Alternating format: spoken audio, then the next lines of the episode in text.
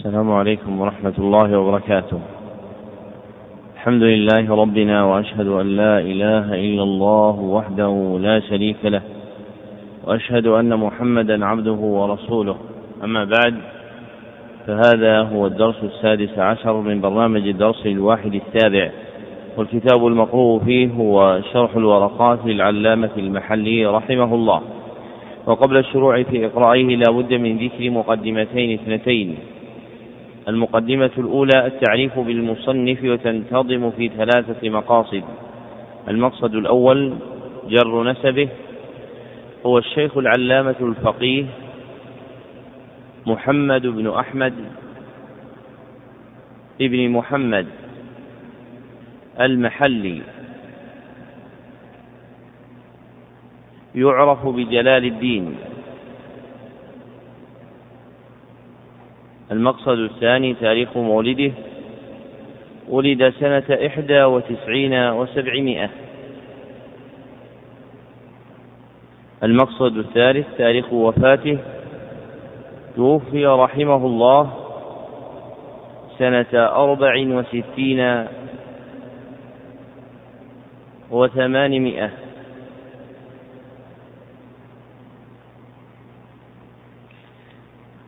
وله من العمر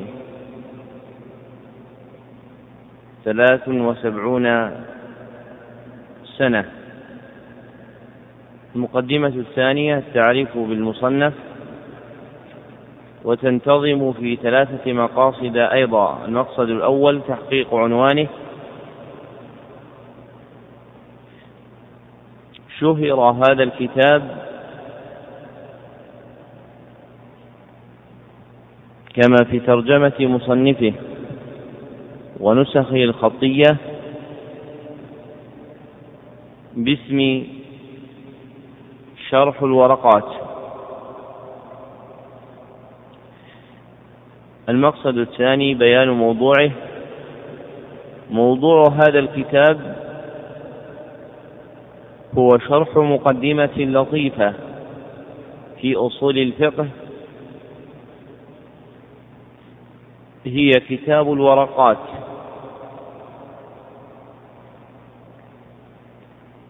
لأبي المعالي الجويني.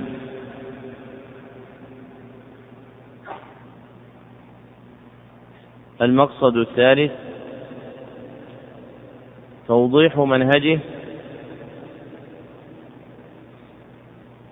هذا الكتاب معدود من الشروح بالقول.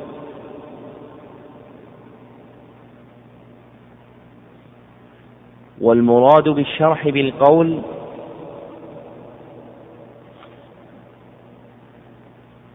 الشرح الذي يسبك الشارح شرحه مع المتن في سياق واحد.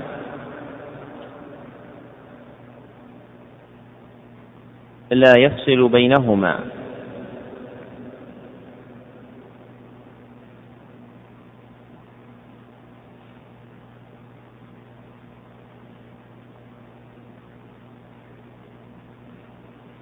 وقد قدر المصنف رحمه الله تعالى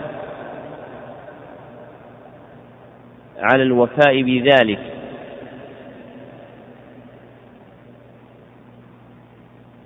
مع ضرب الأمثلة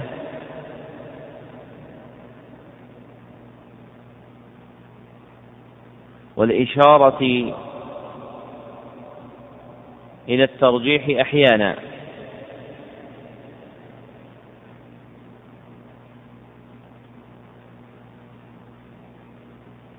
ولأجل هذا كان هذا الشرح مع وجازته هو المعتمد في استفتاح الإقراء عند المتأخرين من شروح الورقات.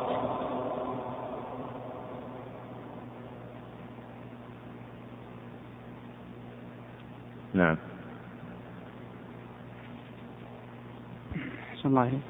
بسم الله الرحمن الرحيم. الحمد لله رب العالمين وصلى الله وسلم وبارك على نبينا محمد وعلى آله وصحبه أجمعين. اللهم اغفر لشيخنا ولنا ولوالدينا وللمسلمين. قال المؤلف رحمه الله تعالى بسم الله الرحمن الرحيم.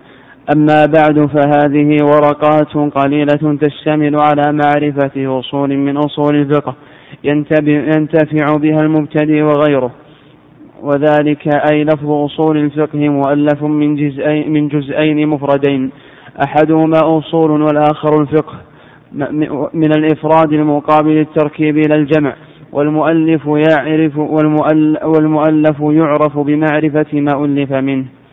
فالأصل الذي هو الجزء الأول. ما يبنى عليه غيره كأصل الجدار أي أساسه وأصل الشجرة أي طرفها الثابت في الأرض. والفرع الذي هو مقابل الأصل ما يبنى على غيره كفروع الشجرة لأصلها وفروع الفقه لأصوله. والفقه الذي هو الجزء الثاني له معنى لغوي وهو الفهم ومعنى شرعي وهو معرفة الأحكام الشرعية التي طريقها الاجتهاد كالعلم بأن النية في الوضوء واجبة وأن الوتر مندوب وأن النية من الليل شرط في صوم رمضان وأن الزكاة واجبة في مال الصبي غير واجبة في الحلي المباح.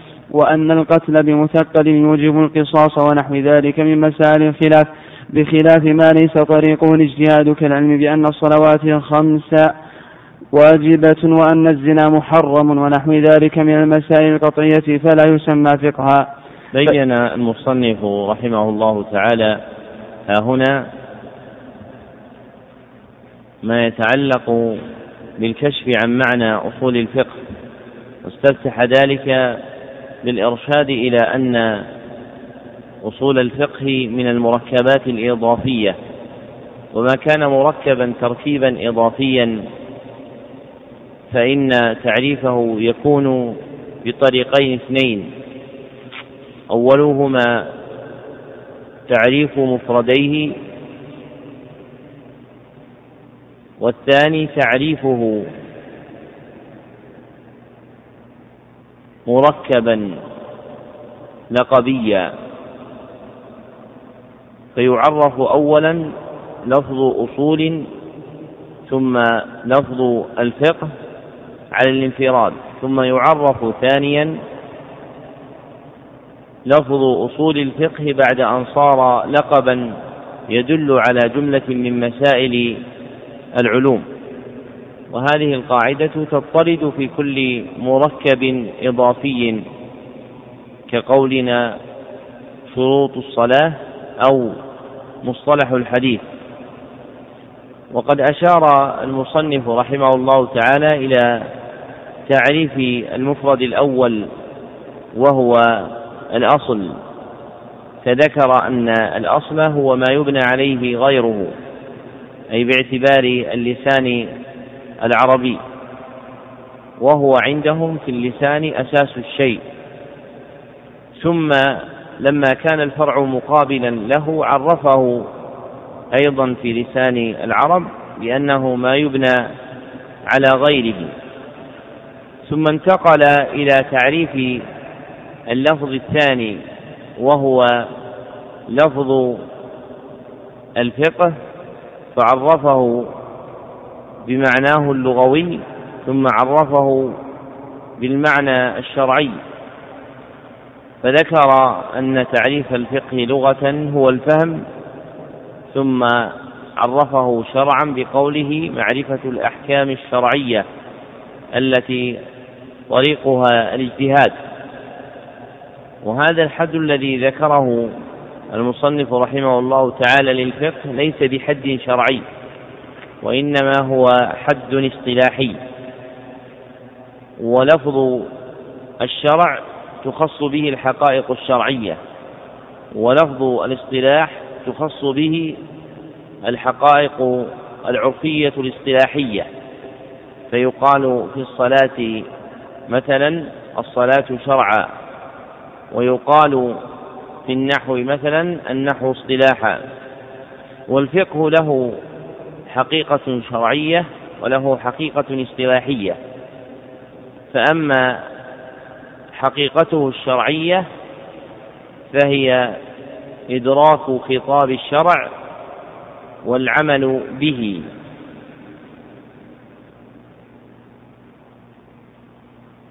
فليس الفقه مقصورا على الإدراك لخطاب الشرع بل لا بد من إضافة قيد العمل.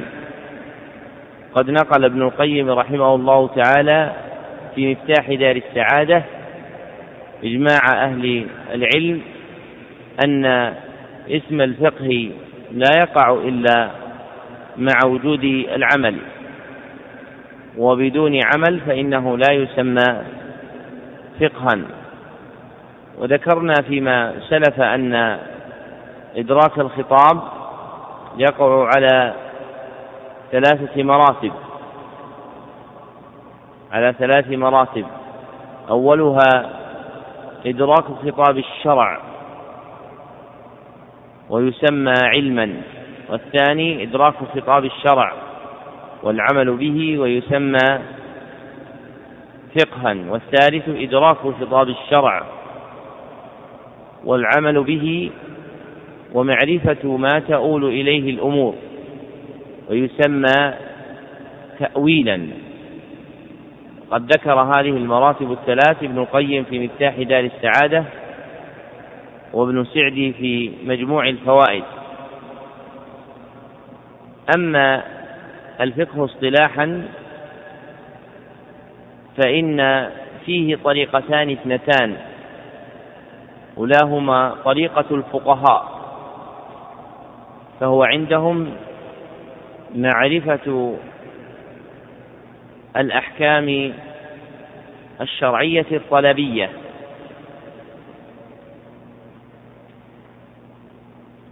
والثانية طريقة الأصوليين وهي عندهم معرفة الأحكام الشرعية الطلبية المكتسبة من أدلتها التفصيلية. والفرق بين الطريقتين هو أن الفقهاء يدخلون في اسم الفقه المسائل الفقهية الاجتهادية وغير الاجتهادية. أما الأصوليون فإن اسم الفقه عندهم مخصوص بالمسائل الاجتهادية. وقد ذكر المصنف بعد ذلك ما يشير إلى هذا بقوله فالمعرفة هنا العلم بمعنى الظن. لأن الظن هو متعلق الاجتهاد فالمسائل الاجتهادية ليست قطعية. بل هي ظنية ويحكم كل مجتهد بما يغلب على ظنه. وما عليه بعض أرباب الفنون من تعريف العلوم بقولهم هي معرفة الأحكام أو قولهم معرفة الأصول أو قولهم معرفة القواعد. ومنه قول المصنف ها هنا هو معرفة الأحكام الشرعية متعقب بأن المعرفة متعلقة بالمدرك وهو صاحب العلم والعلوم لا يرجع في تعريفاتها إلى مدركيها بل تعرف بالنظر إلى العلوم نفسها فيقال العلم هو فيقال في علم ما هو الأحكام الشرعية مثلا كما هنا أو يقال هو القواعد أو يقال هو الأصول. فمثلا في مصطلح الحديث لا يقال في تعريفه هو معرفة القواعد التي يعرف بها حال الراوي والمروي من حيث القبول والرد بل يقال هي القواعد التي يعرف بها حال الراوي والمروي من حيث القبول من حيث القبول أو الرد. فالعلم هو القواعد نفسها وليس هو المعرفة التي تحدث للمتلقي. نعم. الله عليك فالمعرفة هنا العلم بمعنى بمعنى الظن والأحكام. المرادة فيما ذكر سبعة الواجب والمندوب والمباح والمحظور والمكروه والصحيح والباطل. فالفقه العلم بالواجب والمندوب إلى آخر السبعة أي بأن هذا الفعل واجب وهذا مندوب وهذا مباح وهكذا إلى آخر السبعة. فالواجب من حيث من حيث وصف من حيث وصف من حيث وصفه بالوجوب ما يثاب على فعله ويعاقب على تركه. ويكفي في صدق العقاب وجود ويكفي في صدق العقاب وجود وجوده لواحد من العصاة مع العفو عن غيره. ويجوز أن يريد ويترتب العقاب على تركه كما عبر به غيره فلا ينافي العفو. والمندوب من حيث وصفه بالندب ما يثاب على فعله ولا يعاقب على تركه.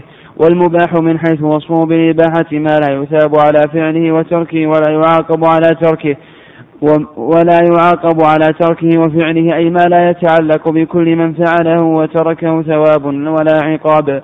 والمحظور من حيث وصفه بالحظر أي الحرمة ما يثاب على تركه امتثالا ويعاقب على فعله ويكفي في صدق العقاب وجوده لواحد من العصاة مع العفو عن غيره.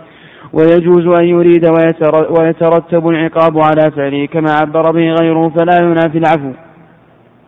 والمكروه من حيث وصفه بالكراهة ما يثاب على تركه امتثالا ولا يعاقب على فعله. والصحيح من حيث وصفه بالصحة ما يتعلق به النفوذ ويعتد به بأن يستجمع ما يعتبر فيه شرعا عقدا كان أو عبادة. والباطل من حيث وصفه بالبطلان ما لا يتعلق به النفوذ. ولا يعتد به بأن لم ي... ولا يعتد به بأن لم يستجمع بأن لم يستجمع ما يعتبر فيه شرعا. عقدا كان أو عبادة والعقد يتصل بالنفوذ والاعتداد والعبادة تتصل بالاعتداد فقط.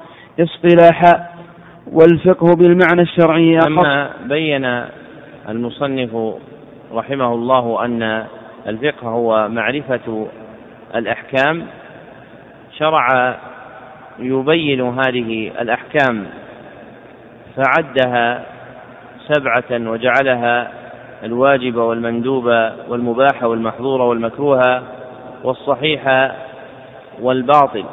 فالفقه عنده هو معرفة هذه الأحكام السبعة. وهذه الأحكام السبعة هي كما سلف متعلق الحكم الشرعي. والحكم الشرعي هو الخطاب الشرعي المتعلق بفعل العبد.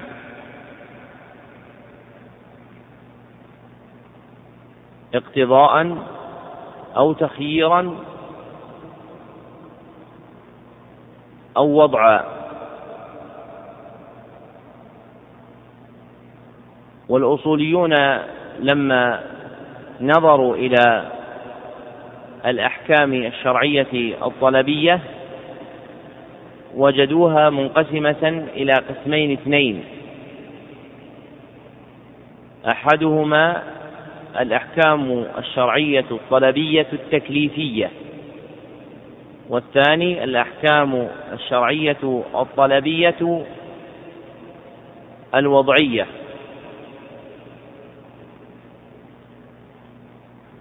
وعدوا الخمسة الأولى التي ذكرها المصنف وهي الواجب والمندوب والمباح والمحظور والمكروه في جملة الأحكام التكليفية. وعدوا الصحيح والباطل في جملة الأحكام الشرعية الطلبية الوضعية. وهذا الاصطلاح الذي اصطلح عليه الأصوليون لا مشاحة عليه في القسمة بل هي مقتضى النظر. بل المشاحة فيما عبروا به عن القسم الأول وهو الأحكام التي نسبوها إلى التكليف. فإن لفظ التكليف لم يأتي بهذا المعنى في الكتاب ولا في السنة بل هو مبني على قاعدة جرى عليها الأشاعرة وهي نفي الحكمة والتعليل في أفعال الرب عز وجل. فإن الأشاعرة ينفون الحكمة والتعليل فهم لا يقولون في قول الله عز وجل وما خلقت الجن والإنس إلا ليعبدون إن اللام ها هنا للتعليل المفيد لحكمة خلق الخلق وأنه عبادة الله سبحانه وتعالى. ولما فرغوا العبد من حكمة العبودية لله سبحانه وتعالى في خلقه بحثوا عن مخرج يحملون عليه هذه الأحكام لأنها عندهم ليس لها غاية. ولا علة. فقالوا إنها وقعت للعبد على وجه المخاطبة بالتكليف. ومحال أن يكون ما خوطب به العبد في الأمر والنهي تكليفا أي مشقة لا منفعة فيها. ولم يسمي الشرع العبادات باسم التكاليف مع ما تثمره من الطمأنينة والسكينة. فإن الأصل في التكاليف أن تكون آثارا تثقل على صاحبها. وهذه الأوامر والنواهي هي أسباب تنشرح بها الصدور وتطمئن بها النفوس. فلا بد من العدول عن هذا المصطلح إلى مصطلح يوافق الخطاب الشرعي. وقد اختار ابن القيم رحمه الله تعالى في مدارج السالكين تسميتها بقواعد العبودية الخمسة وهي الواجب إلى آخره. فالأولى موافقة للخطاب الشرعي أن يعبر عن الأحكام الشرعية الطلبية التكليفية بقولنا أحكام العبودية ويكون الحكم الشرعي الطلبي منقسم إلى قسمين. أحدهما أحكام العبودية والثاني الأحكام الوضعية. وهذه الأحكام الخمسة المتعلقة بالتكليف عند الأصوليين عامتهم يعرفها باعتبار تعلقها بفعل العبد. فعندما يحكم على فعل العبد يقال واجب أو محرم أو مكروه. واللائق هو تعريفها باعتبار من حكم بها وهي صدورها من الشرع إما بالكتاب أو السنة أو غير ذلك من أدلة الشرع. والفرق بينهما أننا نعبر في الأول بقولنا الواجب وبالثاني نقول الإيجاب. ونقول مثلا المندوب ونقول بالثاني الندب وهكذا. ثم إن الأصوليين رحمهم الله تعالى لما وضعوا هذه الأحكام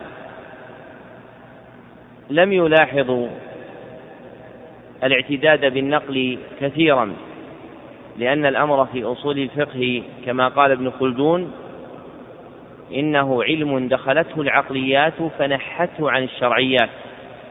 وصدق رحمه الله فإن من المصطلحات الأصولية ما فيه عدول عن الحقائق الشرعية التي تدل على المعنى نفسه. فمثلا ما ارتضوه من اسم المندوب أو الندب على الاعتبارين السابقين جاء في خطاب الشرع ما هو أولى منه وهو اسم النسل أو التنفل باعتبارين معا. ففي صحيح البخاري في حديث أبي هريرة القدسي فيه قول الله عز وجل ولا يزال عبدي يتقرب إلي بالنوافل بعد أن ذكر الفرائض في قوله وما تقرب إلي عبدي بأحب إلي مما افترضته عليه فأتبع الفرائض بذكر النوافل وفيه دليل على أن الحكم الذي يتخلف في الاقتضاء بلزومه بعد الفرائض هو اسم النفل أو التنفل. وسنذكر إن شاء الله تعالى تعريف كل على المختار بعد بيان هذه التعريف التي ذكرها المصنف في هذه الأنواع الخمسة. فإنه قال في تعريف الواجب من حيث وصفه بالوجوب ما يثاب على فعله ويعاقب على تركه. والجملة الأولى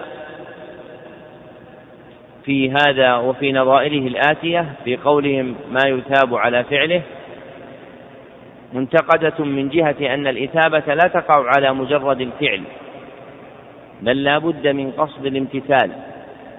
فإن العبد لو فعل واجبا لا على قصد الامتثال فإنه لا يثاب عليه.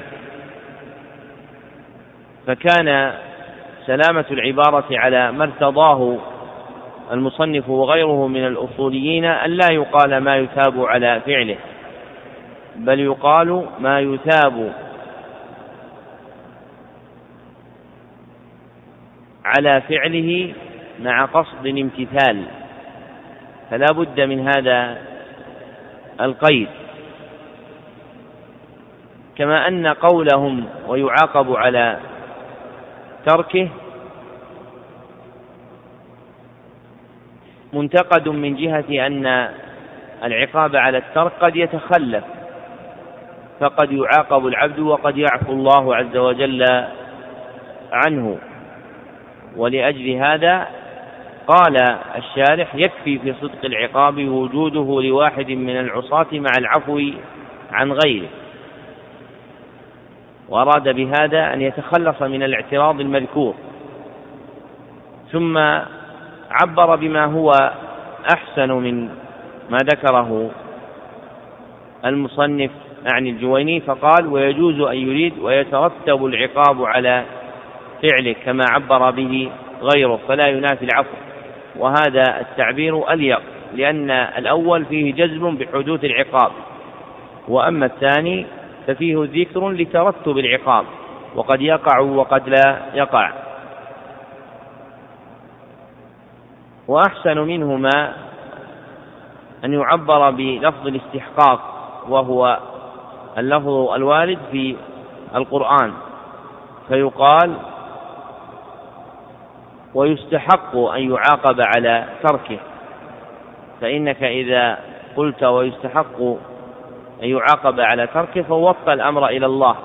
فإن شاء أنفذ الوعيد وإن شاء لم ينفذه وعفى عن العبد.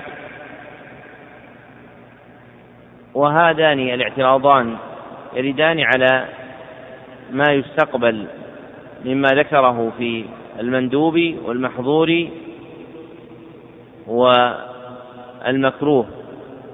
فمثلا قوله في المحظور ما يثاب على تركه لا بد من فيه لا بد من قصد الامتثال فيه. كما أن تعريفه للمباح من حيث وصفه بالإباحة بقوله ما لا يثاب على فعله وتركه ولا يعاقب على تركه وفعله فيه نظر. إذ قد يثاب العبد أو يعاقب على المباح لكن لا بالنظر إليه بل بالنظر إلى أمر خارج عنه. كما يقول الفقهاء إن المباح قد ينقلب بالنية إلى طاعة أي بالنظر إلى أمر خارجي وهو نية فاعله. وإلى هذا ولأجل هذا جنح بعض الأصوليين إلى تقييد هذا التعريف الذي ذكره المصنف بقولهم لذاته. فإنك إذا قلت ما لا يثاب على فعله ولا يعاقب على تركه لذاته علم أن التخيير فيه متعلق بالحكم نفسه. وأما بالنظر إلى أمر خارجي فإنه قد يقع الثواب وقد يقع العقاب. وكما سلف فإن الأولى تعريف هذه الأحكام الخمسة باعتبار صدورها من الحاكم كما يعبر الأصوليون. والمراد بالحاكم الذي ثبت الحكم من جهته. وثبوت الحكم يكون من جهة الشرع. والشرع ثابت بكلام الله وفي كلام رسوله صلى الله عليه وسلم ثم ثبت بأدلة أخرى جاء بها الكتاب والسنة كالإجماع. فالأولى أن نعرف هذه الأحكام ونسميها باعتبار صدورها ممن صدر منه الحكم. فنقول الإيجاب ولا نقول الواجب ونقول التنفل ولا نقول المندوب ونقول التحريم ولا نقول الحرام ونقول الكراهة ولا نقول المكروه ونقول التحليل ولا نقول المباح ونعرفها باعتبار تعلقها بحكم الحاكم لا باعتبار تعلقها بفعل العبد. فنقول على هذا إن الإجابة هو الخطاب الشرعي الطلبي المقتضي للفعل اقتضاء لازما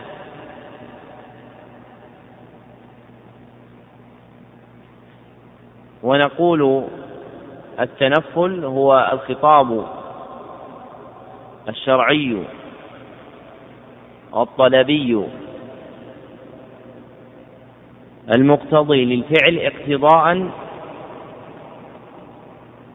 غير لازم.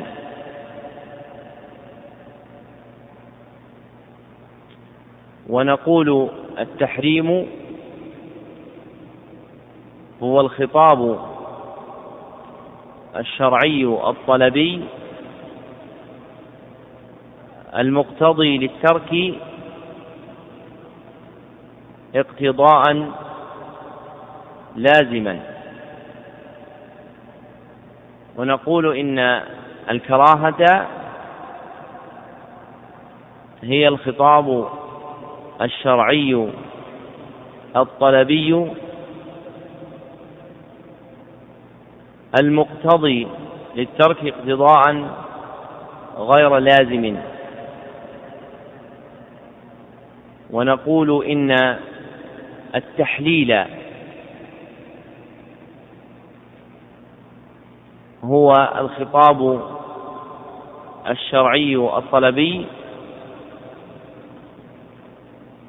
المخير بين الفعل والترك.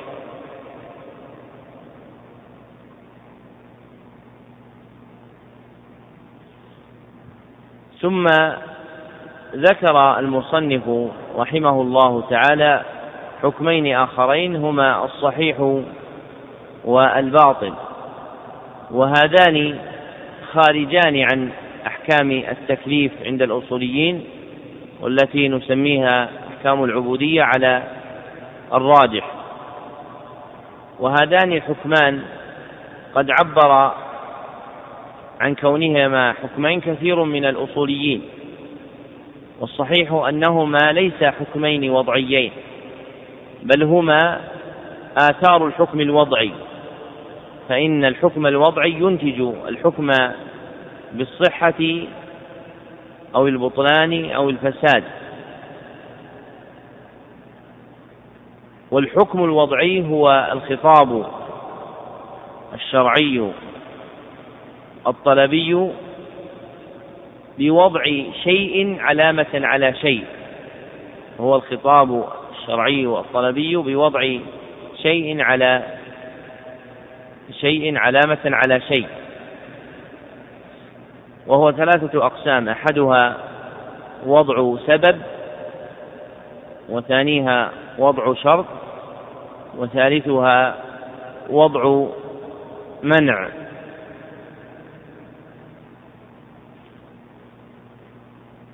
وقد عرف المصنف تبعا لصاحب الأصل الصحيح بقوله والصحيح من حيث وصفه بالصحة ما يتعلق به النفوذ ويعتد به بأن استجمع ما يعتبر فيه شرعا عقدا كان أو عبادة. ثم عرف الباطل من حيث وصفه بالبطلان بقوله ما لا يتعلق به النفوذ ولا يعتد ولا يعتد به بأن لم يستجمع ما يعتبر فيه شرعا عقدا كان أو عبادة. ثم قال والعقد يتصف بالنفوذ والاعتداد والمراد بالنفوذ هو التصرف. والاعتداد براءة الذمة والعبادة تتصف بالاعتداد فقط اصطلاحا أي ببراءة ذمة فاعلها. وهذا كما سبق أيضا هو تعريف بالنظر إلى فعل العبد لا بالنظر إلى حكم صاحب الحكم. وحينئذ نقول إن الصحة هي الخطاب الشرعي. الطلبي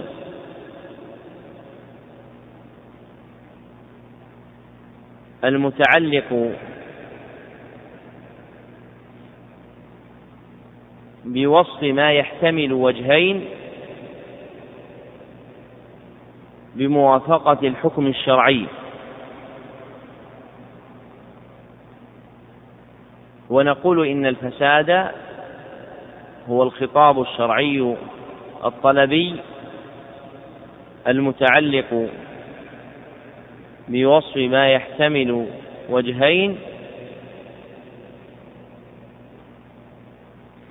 بمخالفة الحكم الشرعي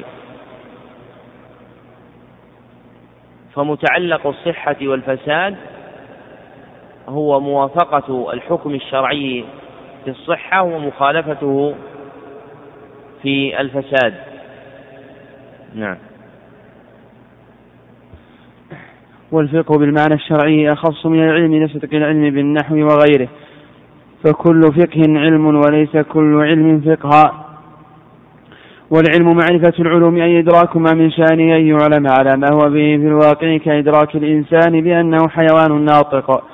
والجهل تصور الشيء أي إدراكه على خلاف ما هو به في الواقع كإدراك الفلاسفة أن العالم وهو ما سوى الله تعالى قديم بعضهم وصف هذا الجهل بالمركب وجعل البسيط عدم العلم بالشيء كعدم علمنا بما تحت بما تحت الأراضين وبما في بطون البحار. وعلى ما ذكره المصنف لا يسمى هذا جهلا. والعلم الضروري ما لا يقع عن نظر واستدلال كعلم واقع بإحدى الحواس الخمس الظاهرة وهي السمع والبصر واللمس والشم والذوق فإنه يحصل بمجرد الإحساس بها من غير نظر واستدلال. وأما العلم المكتسب فهو الوقوف على النظر والاستدلال كالعلم بأن العالم بأن العالم حادث فإنه موقوف على النظر في العالم.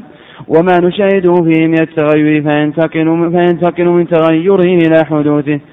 والنظر والفكر في حال منظور فيه يؤدي إلى المطلوب. والاستدلال طلب الدليل يؤدي إلى المطلوب فمؤدى النظر والاستدلال واحد. وجمع, وجمع المصنف وجمع المصنف بينهما في الإثبات والنفي والتأكيد.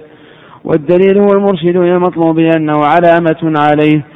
والظن تجويز أمرين أحدهما ظاهر من الآخر عند المجوز والشك تجويز أمرين لا مزية لأحدهما على الآخر عند المجوز والتردد في قيام زيد ونفيه على السواء شك. ومع رجحان الثبوت أو الانتفاء أيضا. بين المصنف رحمه الله تعالى ها هنا الفقه أنه أخص من جهة المعنى الشرعي من العلم.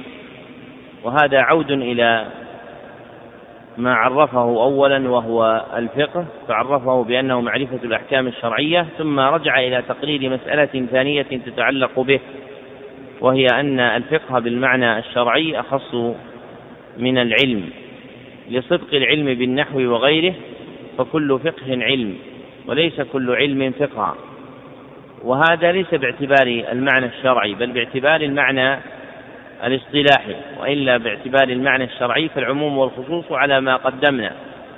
فإن العلم هو مجرد إدراك خطاب الشرع فإذا ضم إليه العلم فإذا ضم إليه العمل كان فقها.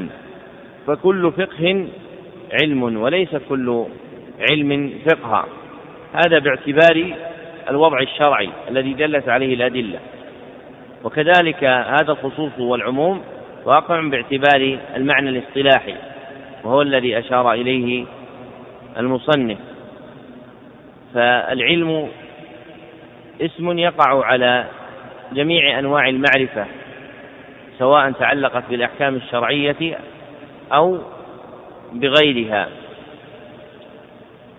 ولما ذكر العلم استطرد في ذكر تعريفه ثم أردفه بذكر ما يشاركه من المدركات لأن العلم يرجع إلى الإدراك والإدراك يتنوع فليس كل إدراك علما بل قد يكون جهلا وقد يكون ظنا وقد يكون شكا وقد يكون وهما وهذا هو الموجب لذكر هذه المسائل بعد ذكر مسألة العلم لأنها تشاركه في مسألة الإدراك كما سيأتي في بيان حدودها.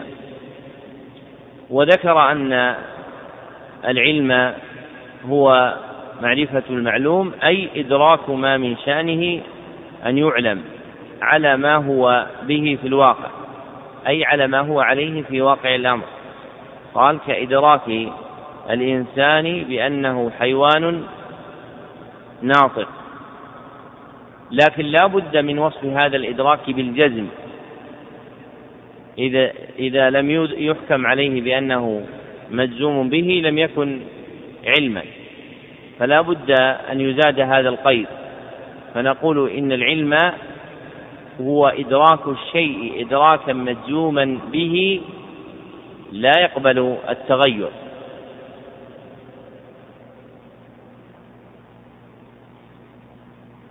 ويقابله الجهل وقد عرفه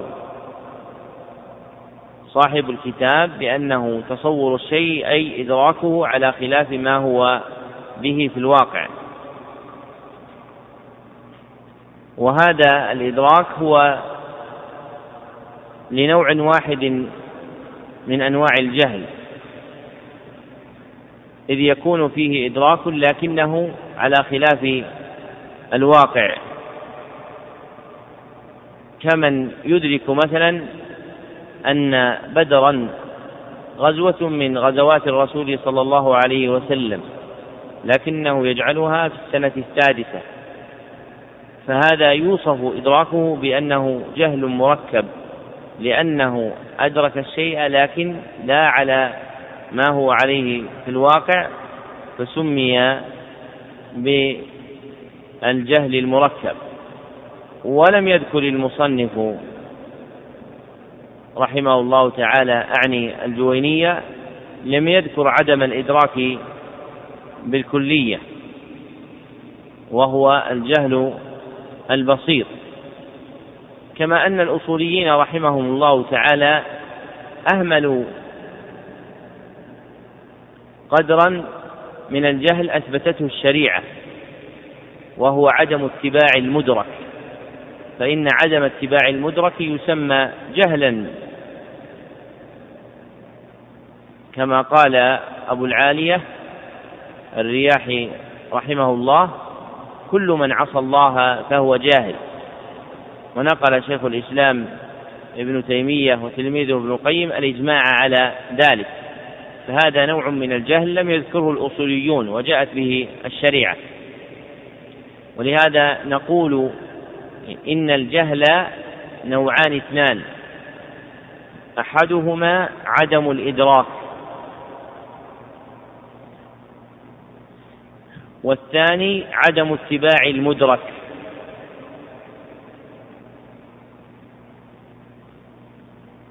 والمراد به ترك الامتثال والعمل. والنوع الأول هو الذي يذكره الأصوليون وهو ينقسم إلى قسمين اثنين. أحدهما عدم الإدراك بالكلية ويسمى للجهل البسيط.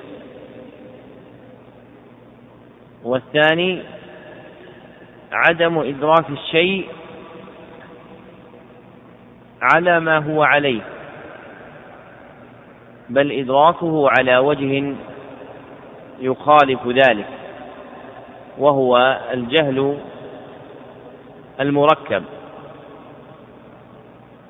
ولما فرغ المصنف من ذكر حقيقة الجهل أتبعه بذكر أقسام العلم مع تعريفها. ومحصل ما ذكره هو أن العلم ينقسم إلى نوعين اثنين. أحدهما العلم الضروري وهو ما لا يفتقر إلى نظر واستدلال. والثاني العلم النظري وهو المفتقر إلى النظر والاستدلال.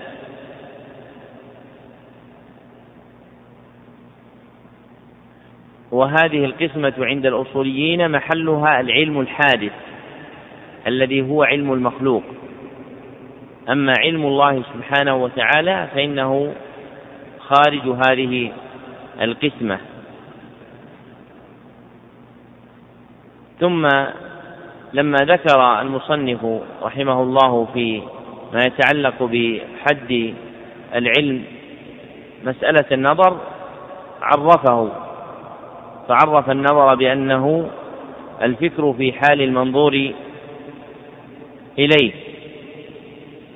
والفكر عند علماء العقليات هو حركة النفس في المعقولات.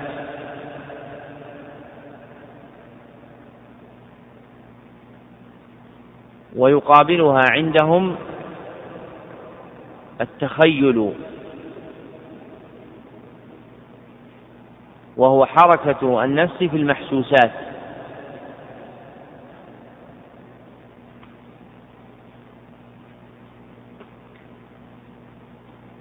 هذا اصطلاح جمهورهم فهم يفرقون بين الفكر والتخيل باعتبار متعلق الحركة النفسية. فإن كان متعلق الحركة النفسية الأمور التي تدرك بالعقل قالوا هو نظر. وإن كان متعلق الحركة النفسية الأمور المحسوسة قالوا هو تخيل.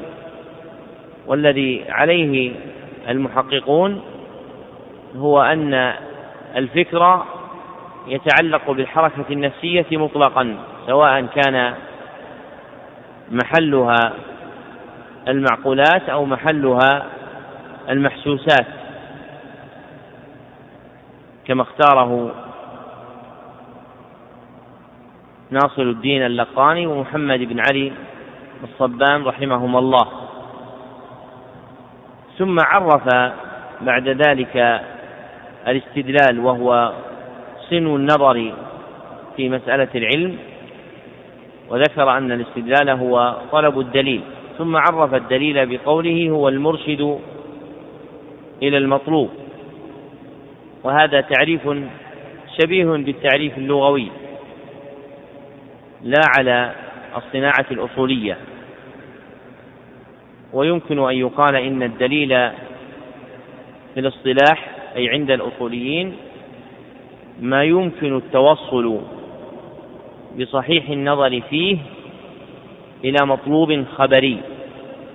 ما يمكن التوصل بصحيح النظر فيه إلى ومطلوب خبري ثم ذكر المصنف بعد ذلك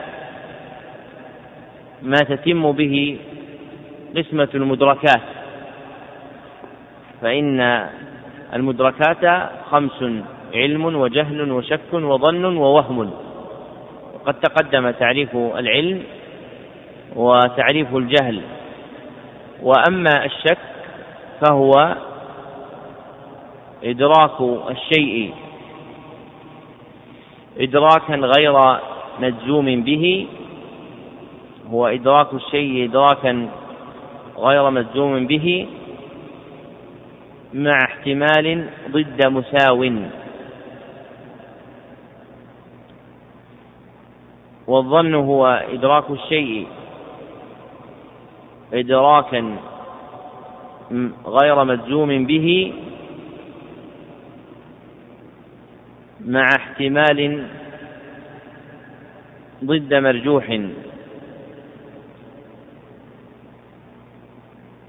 والوهم هو إدراك الشيء إدراكا غير مجزوم به مع احتمال ضد راجح.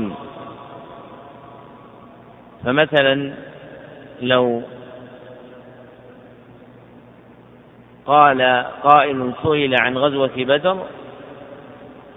فقال في الثانية أو الثالثة وكان إدراكه للاحتمالين جميعا متساويا فهو لا يغلب أحدهما على الآخر. قيل إن هذا شكا فإذا غلب أحدهما أحدهما على الآخر سمي الراجح بالظن وسمي المرجوح بالوهم. نعم. السلام عليكم. وأصول الفقه أي الذي وضع فيه الذي وضع فيه, فيه هذه الورقات طرقه أي طرق الفقه الفقه على سبيل الإجمال كمطلق الأمر والنهي وفعل النبي صلى الله عليه وسلم والإجماع والقياس والاستصحاب من حيث البحث عن أولها بأنه للوجوب والثاني بأنه للحرمة والباقي بأنه بأنها حجج وغير ذلك. حجج. حجج وغير ذلك مما سيأتي مع ما يتعلق به بخلاف طرقه على سبيل التفصيل نحو أقيموا نحو أقيموا الصلاة. ولا تقربوا الزنا وصلاته. صلى الله عليه وسلم في الكعبة كما أخرجه الشيخان. والإجماع على أن لبنت الابن السدس, السدس مع بنت الصلب حيث لا معصب لهما.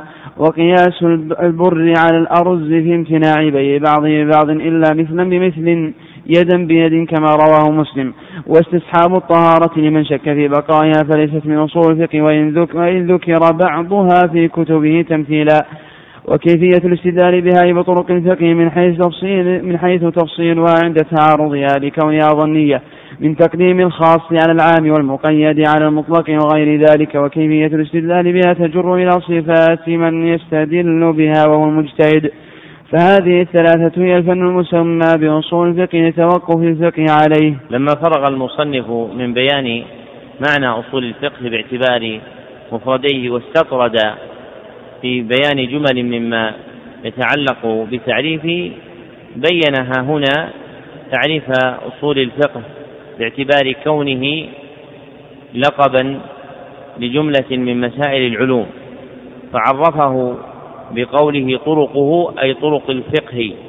والمراد أدلته على سبيل الإجمال كالأمر والنهي وفعل النبي صلى الله عليه وسلم والإجماع إلى آخره. ثم ذكر مما يدخل في هذه الحقيقة كيفية الاستدلال بها أي بتلك الطرق. وأصول الفقه باعتبار كونه لقبا مركب من أدلة الفقه الإجمالية وكيفية الاستدلال بتلك الطرق وحال المستدل. وهذا قد أهمله الجويني رحمه الله تعالى فلم يذكره. وأشار إليه الشارح بقوله وكيفية الاستدلال بها تجر إلى صفات من يستدل بها المجتهد وهو الذي يشير إليه الأصوليون بقولهم وحال المستدل فإن أصول الفقه عند جمهور الأصوليين هي طرق الفقه وكيفية الاستدلال بها وحال المستدل ويريدون بطرق الفقه أدلته الإجمالية وبكيفية الاستدلال بها طرائق الاستنباط. وبحال المستدل المجتهد. وأولى من هذا أن يقال إن أصول الفقه هي القواعد التي تؤسس عليها مباشرة. هي القواعد التي تؤسس عليها مباشرة الأحكام الشرعية الطلبية من أدلتها التفصيلية. هي القواعد التي تؤسس عليها مباشرة الأحكام الشرعية الطلبية من أدلتها التفصيلية. لماذا قلنا القواعد ولم نقل معرفة القواعد؟ ما الجواب؟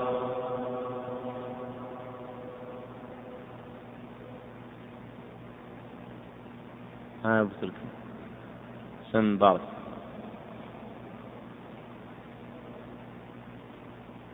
لا معتبار المدرك أحسنت. أن الفنون تعرف باعتبار حقائقها لا بالنظر إلى حال مدركها. فإذا قلت هو معرفة القواعد نظرت إلى تعليقه بالمدرك المتلقي لها. والعلم لا ينظر فيه إلى ذلك بل ينظر فيه إلى العلم نفسه وهو تلك القواعد. وقولنا التي تؤسس عليها مباشرة خرج به ما تؤسس عليها لا مباشرة كتثبيت الحكم من جهة الصحة أو وجه دلالته من جهة اللغة فهذا خارج عن أصول الفقه ومحله علوم أخرى. وذكر قيد الطلبية لا بد منه. لإخراج الأحكام الشرعية الخبرية. فالذي يقول الأحكام الشرعية دون ذكر هذا القيد يعم الأحكام الخبرية التي تقتضي التصديق ولا تعلق لها ها هنا بأصول الفقه بل محلها العقائد. وقيد من أدلتها التفصيلية هو الذي يثبت به الاجتهاد. لأن أصول الفقه آلة المجتهد. ولأجل هذا بحث الأصوليون في حال المستدل الذي هو المجتهد ثم استطردوا فذكروا حال المقلد أيضا. نعم. الله عليكم. وأبواب أصول الفقه أقسام الكلام والأمر والنهي والعام والخاص ويذكر فيه المطلق والمقيد والمجمل والمبين والمبين والظاهر وفي بعض النسخ وفي بعض النسخ والمؤول وسيأتي والأفعال والنسخ. في بعض النسخ. وفي بعض النسخ والمؤول وسيأتي والأفعال والنسخ والمنسوخ والإجماع والأخبار والقياس والحظر والإباحة وترتيب الأدلة. وصفة المفتي والمستفتي وأحكام المجتهدين. وأما أقسام الكلام فأقل. ذكر المصنف في هذه الجملة عد أبواب أصول الفقه على وجه الإجمال. والعلماء رحمهم الله قد يذكرون الشيء مجملا ثم يفصلونه ومقصودهم بذلك تسويق النفوس للتطلع إليه. فذكرها هنا أبواب أصول الفقه التي سيوردها في كتابه لتطلع النفوس إلى معرفتها. ومن يعكس من أهل العلم فيفصل, فيفصل ثم يجمل فمقصوده تثبيت العلم الذي ذكره آنفا فإذا عد شيئا مفصلا ثم رجع إلى إجماله فالمقصود به التذكير به ليثبت في نفس المتلقي. نعم. عليكم. وأما أقسام الكلام فأقل ما يتركب منه الكلام اسمان. هكذا في الكتاب دون ترجمة. في الكتب في الورقات المنشورة بأيدي الناس تجدون باب الكلام وباب الأمر وباب النهي إلى آخره. وهذه من الزيادات التي زيدت في الورقات فإن الورقات ليس فيها ترجمة إلا في ثلاثة مواضع. ترجمتان وفصل وما عدا ذلك فهو مما زاده الناس. ومثل هذا في الرحبية والجزرية فإن الأبواب التي فيها مما زادها الناس وليست وليست في أصل التصنيف. بل الرحبية سرد ليس فيها ترجمة. والجزرية سرد ليس فيها ترجمة. والورقات كذلك سرد إلا في مواضع ثلاثة ترجمتان وفصل. وقد نبه الشارع على موضع هاتين الترجمتين. نعم. وأما أقسام الكلام فأقل ما يتركب منه الكلام اسمان. نحو زيد قام زيد قائم. أو اسم أو اسم وفعل نحو زيد قام زيد أو فعل وحرف. نحو ما قام أثبته بعضهم ولم يعد الضمير. في قام الراجع إلى زيد في قام الراجع إلى زيد مثلا لعدم ظهوره. والجمهور على عده كلمة أو اسم وحرف وذلك في النداء نحو يا زيد. وإن كان المعنى أدعو أو أنادي زيدا. والكلام ينقسم إلى أمر ونهي نحو قم ولا تقعد وخبر نحو جاء زيد واستخبار وهو الاستفهام نحو هل قام زيد فيقال نعم أو لا. وينقسم أيضا إلى تمن نحو ألا ليت الشباب ألا ليت الشباب يعود يوما. وعرض نحو ألا تنزل ألا تنزل عندنا. وقسم وقسم ونحو نحو والله لا أفعلن كذا ومن وجه آخر ينقسم إلى حقيقة ومجاز فحقيقة ما بقي في الاستعمال على موضوعه وقيل ما استعمل في مصطلح عليه من المخاطبة. وإن لم وإن لم يبقى على وإن لم يبقى على موضوعه كالصلاة في الآيات المخصوصة فإنه لم يبقى على موضوعه اللغوي. وهو الدعاء بخير والدابة لذات الأربع كالحمار فإنه لم يبقى على موضوعه وهو كل ما يدب على الأرض. والمجاز ما تجوز أي تعد به عن موضوعه وهذا على المعنى الأول للحقيقة وعلى الثاني هو ما استعمل في غير مصل عليه من المخاطبة. والحقيقة الملووية بأن وضعها اللغة, اللغة كالأسد للحيوان المفترس وإما شرعية بأن وضع الشارع كالصلاة للعبادة المخصوصة وإما عرفية بأن وضعها للعرف العام كالدابة لذات الأربع كالحمار. وهي لغة لكل ما يدب على الأرض والخاص كالفاعل اسم المعروف عند النحاة وهذا التقسيم ماش على التعريف الثاني الحقيقة دون الأول القاصر على اللغوية. والمجاز إما أن يكون بزيادة أو نقصان أو نقل أو استعارة فالمجاز بالزيادة مثل قوله تعالى مثل قوله تعالى ليس كمثله شيء فالكاف زائدة وإلا فهي بمعنى مثل فيكون له تعالى مثل وهو محال والقصد بهذا الكلام فيه والمجاز بالنقصان مثل قوله تعالى مثل قوله تعالى واسأل القرية. أي أهل القرية وقرب صدق تعريف المجاز على ما ذكر بأنه بأنه استعمل بأنه استعمل بأنه استعمل نفي المثل نفي مثل المثل في نفي المثل. وسؤال القرية في سؤال أهلها والمجاز بالنقل كالغائط فيما يخرج من الإنسان نقل إليه عن حقيقته وهي المكان وهي المكان المطمئن تقضى فيه الحاجة. بحيث لا يتبادر منه عرفا إلا الخارج. والمجاز بالاستعارة كقوله تعالى جدارا يريد أن ينقض أن يسقط. فشبه ميله إلى السقوط بإرادة السقوط التي هي من صفات الحي دون الجماد. والمجاز المبني على التشبيه يسمى استعارة. شرع المصنف رحمه الله تعالى في تفصيل الجملة التي ذكرها من أبواب أصول الفقه. فإنه قال وأبواب أصول الفقه أقسام الكلام إلى آخره وابتدأ بأول تلك الأبواب وذكر أقسام الكلام باعتبارات ثلاثة أولها باعتبار ما يتركب منه وذلك في قوله وأما أقسام الكلام فأقل ما يتركب منه الكلام اسمان إلى آخره ومرد هذه الجملة إلى علم العربية. والتقسيم الثاني باعتبار مدلوله أي باعتبار ما يدل عليه. وذلك في قوله والكلام ينقسم إلى أمر ونهي إلى آخره. ثم ذكر ثالثا تقسيم الكلام باعتبار استعماله. وذلك في قوله ومن وجه آخر ينقسم إلى حقيقة ومجاز. إذا علم أن المصنف رحمه الله قسم الكلام بهذه الاعتبارات الثلاثة فأما بالنظر إلى التقسيم الأول وهو باعتبار ما يتركب منه فهذا مردها إلى علم العربية وقد تكلم تقدم البيان على ما يناسب هذه الجملة في التقريرات على شرح الأجرومية للمكودي في برنامج اليوم الواحد السادس قريبا. وأما باعتبار مدلوله فقد ذكر الشارح تبعا للمصنف بأنه ينقسم إلى أمر ونهي وخبر واستخبار وتمن وعرض وقسم.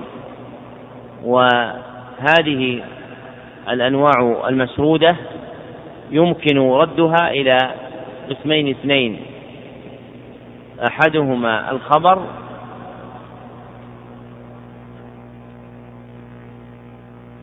والثاني الإنشاء. ويندرج في الإنشاء الأمر والنهي والاستخبار والتمني والعرض والاستفهام. فعامة الأنواع التي ذكرها هي متعلقة بالإنشاء. وما تعريف الخبر والإنشاء؟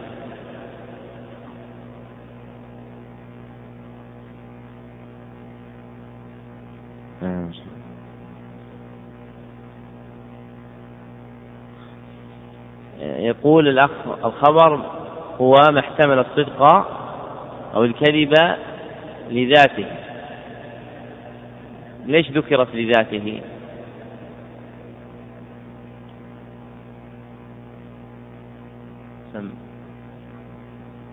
لإخراج الحكم على كلام الله وكلام رسوله صلى الله عليه وسلم. فأصل الخبر عند كثير من علماء الأصول هو ما احتمل الصدق أو الكذب. والإنشاء ما لم يحتمل الصدق أو الكذب. ثم لما رأوا الاعتراض على إدخال هذا الاحتمال على كلام الله وكلام رسوله صلى الله عليه وسلم قال قالوا هو ما احتمل الصدق أو الكذب بذاته أي بقطع النظر عن المخبر به. فكلام الله عز وجل وكلام الرسول صلى الله عليه وسلم لا يتطرق إليه الاحتمال. وقد حقق ابن الشاط رحمه الله تعالى هذه المسألة في تهذيب الفروق بما ليس لغيره وتبعه عبد الله الغماري في رسالة مفردة في هذه المسألة وهو أن الجادة السالمة من الاعتراض بأن نقول إن الخبر هو قول يلزمه الصدق أو الكذب. والإنشاء قول لا يلزمه الصدق أو الكذب.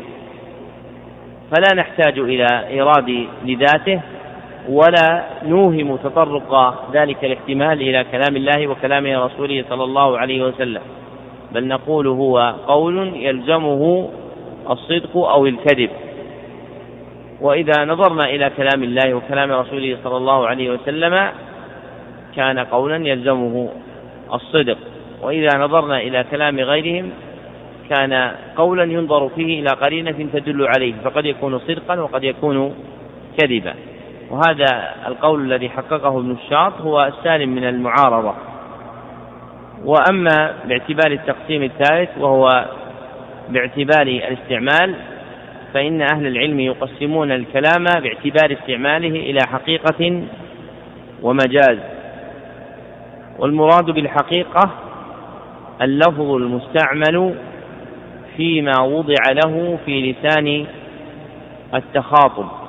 اللفظ المستعمل فيما وضع له في لسان التخاطب. ولسان التخاطب عندهم ثلاثة أنواع.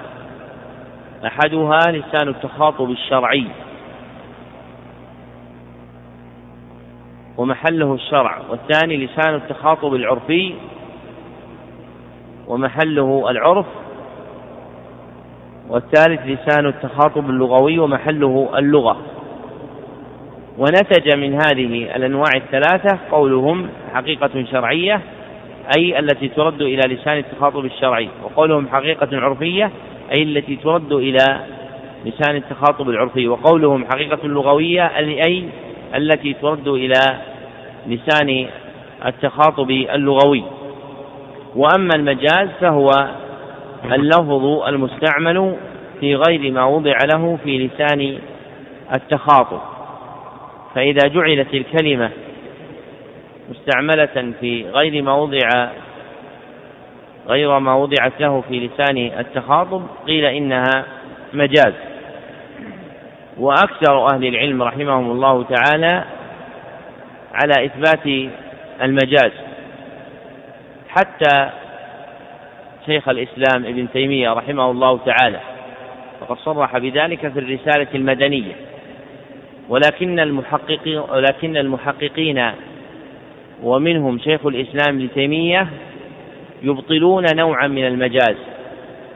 وهو المجاز المبني على قرينة لا يعتد بها لأن المجاز يفتقر إلى قرينة وإذا كانت القرينة ملغاة لا يعتد بها صار حمل الكلام على المجاز متعذر. ولأجل هذا امتنع المجاز في الأسماء والصفات مثلا لأن القرينة المدعاة فيه ملغاة. غير معتد بها من وجوه كثيرة. أقلها أن السلف رحمهم الله تعالى كانوا على إثبات الصفات دون تأويل يوجبه الحمل على المجاز. نعم. ثم بعد ذلك ذكر أنواع المجاز. وقال والمجاز إما أن يكون بزيادة أو نقصان أو نقل أو استعارة. وهذه الأنواع الأربعة تتعلق بنوع معين من المجاز. فإن المجاز نوعان. أولهما المجاز الإسنادي وهو المسمى بالعقل.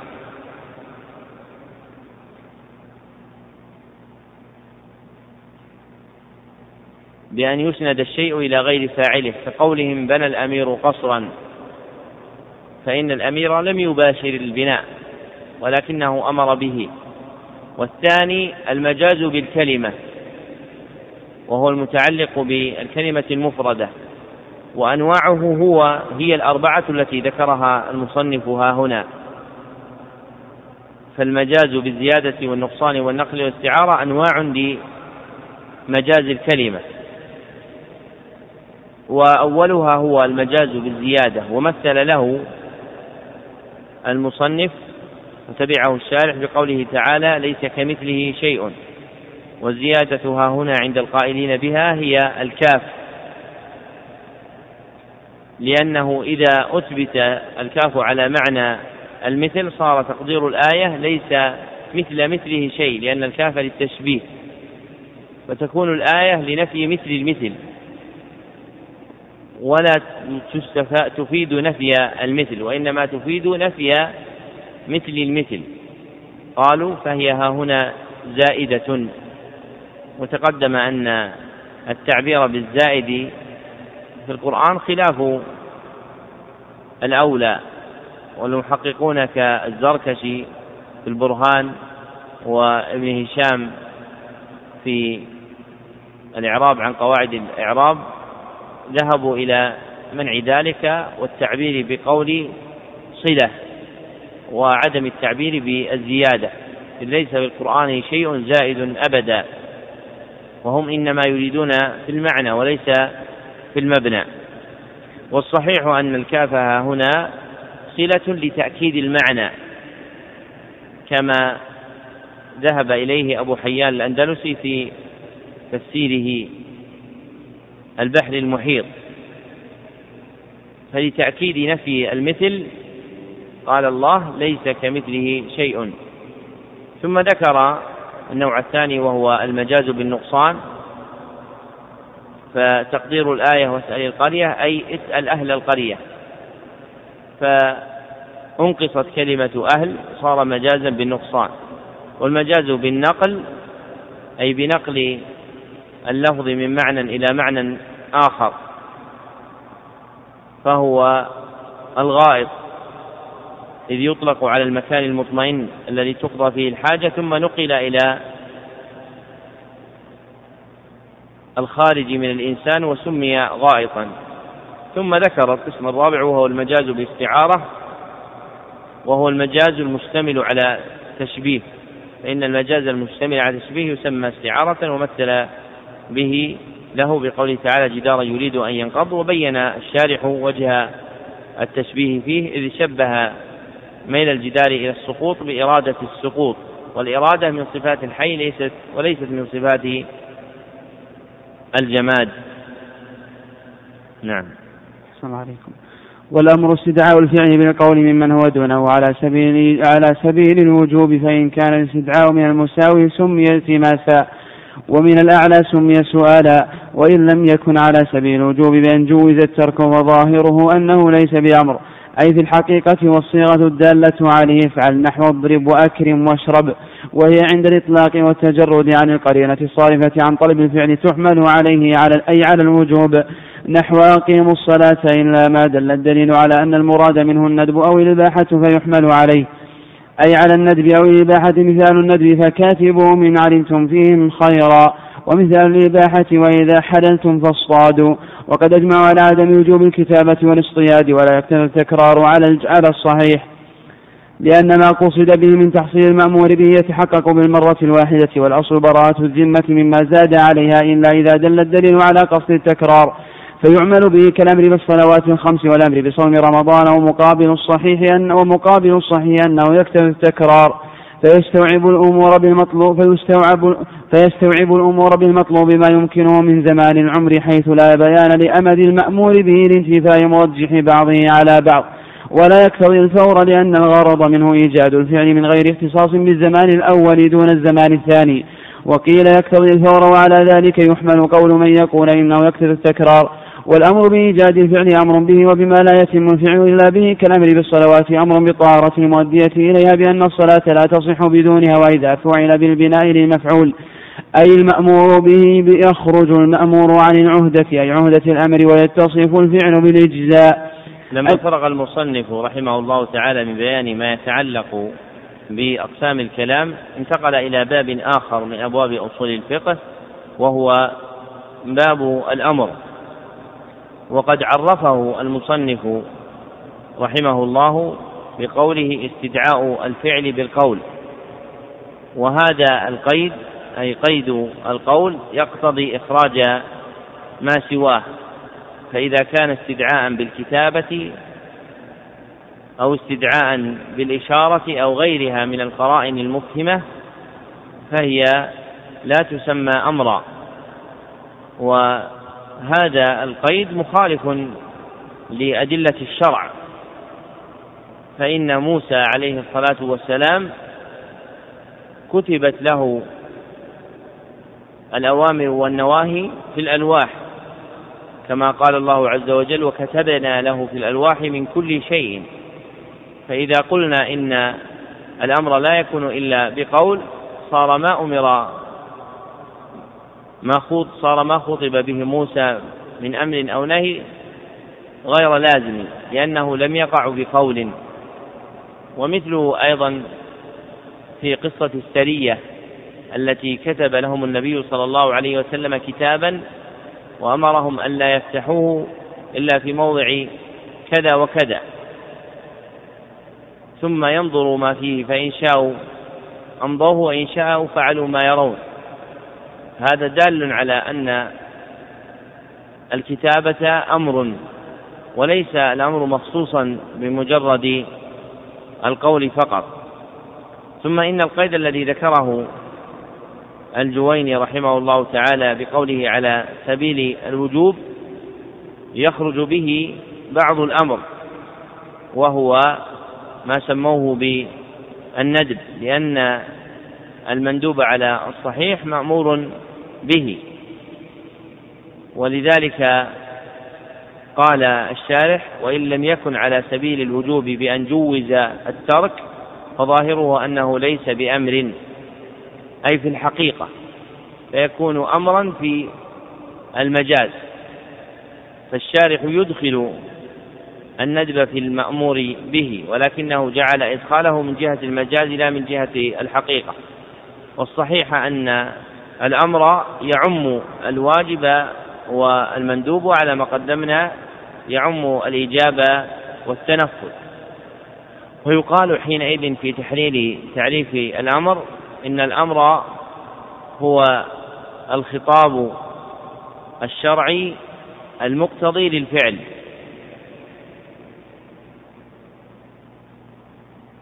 فإن كان الاقتضاء لازما سمي إيش؟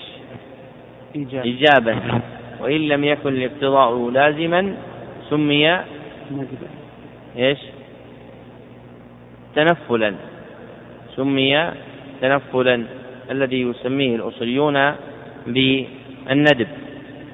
ثم بين المصنف أن الصيغة الدالة عليه افعل. والصيغ الدالة على الأمر نوعان اثنان أحدهما صيغ صريحة. وهي المجموعة في قول العلامة حافظ الحكمي.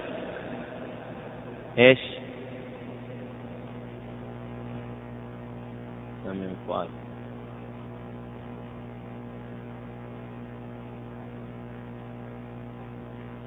قال في وسيلة الحصول قال أربع ألفاظ بها الأمر دري. افعل لتفعل اسم فعل مصدري أربع ألفاظ بها الأمر دري افعل لتفعل اسم فعل مصدري. وأم هذه الألفاظ الأربعة هي صيغة افعل ولهذا اقتصر عليها كثير من الأصوليين ومنهم المصنف رحمه الله. والنوع الثاني الصيغ غير الصريحة كمدح الفاعل أو الثناء على الفعل أو ذكر ثوابه وهذا النوع الثاني قل من تعرض له من الأصوليين وأحسن من تكلم فيه هو ابن القيم في بدائع الفوائد. ثم تبعه الصنعاني في بغية الآمل. ولا يوجد كلامهما عند غيرهما لا من الأصوليين ولا من سواهم. ثم ذكر بعد ذلك ما تدل عليه صيغة الأمر. فقال وهي عند الإطلاق والتجرد عن القرينة الصارفة عن طلب الفعل تحمل عليه أي على الوجوب. فالأصل في الأمر كونه للإيجاب إلا إذا دل الدليل على خروجه عن هذا. فإذا دل الدليل على خروجه من الإيجاب إلى التنفل أو إلى التحليل صار العمل بالقرينة. ثم ذكر مسألة تتعلق بالأمر وهي اقتضاء الأمر التكرار أو عدم اقتضائه.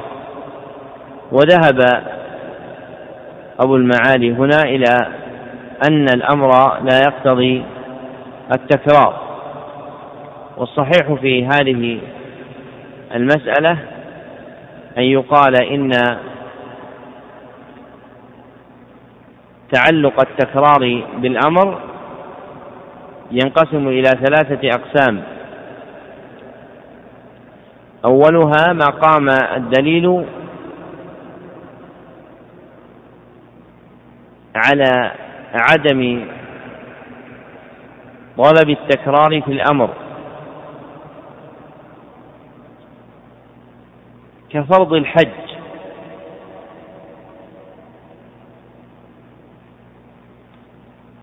لما في الصحيح أن الرجل قال للنبي صلى الله عليه وسلم أفي كل عام يا رسول الله؟ فقال لو قلت نعم لوجبت. فهذا قد دل الدليل على عدم طلب التكرار في الأمر. والثاني ما قام الدليل على إرادة التكرار. كقوله تعالى وأقيموا الصلاة فإن الدليل قد قام على إرادة تكرارها في اليوم والليلة خمس مرات.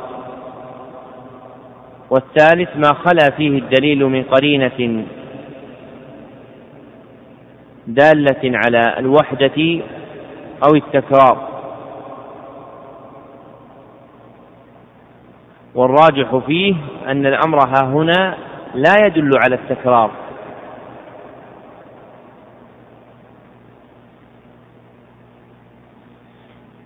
ثم ذكر مسألة ثانية وهي تتعلق بالفورية. هل يقتضي الأمر الفورية أم لا؟ وذكر أن الأمر لا يقتضي الفورية والمراد بالفورية المسارعة إلى إيجاد الفعل. والصحيح أن الأمر يقتضي الفورية. لما تقرر في الشرع من أن إبراء الذمة مطلوب. كما قال الله عز وجل فاستبقوا الخيرات ولا تقع براءة الذمة إلا بالمبادرة التي سماها الأصوليون بالفورية.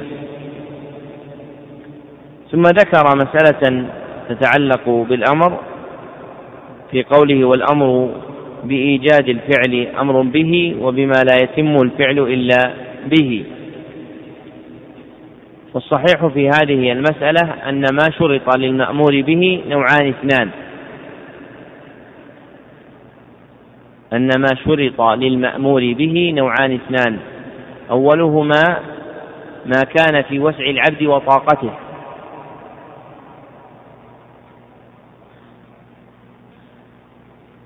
كرفع الحدث للصلاة.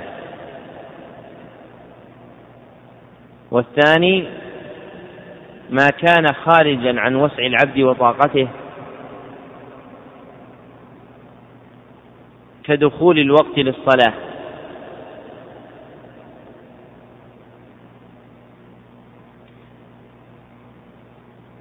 فما كان من الأول فإن العبد مأمور به.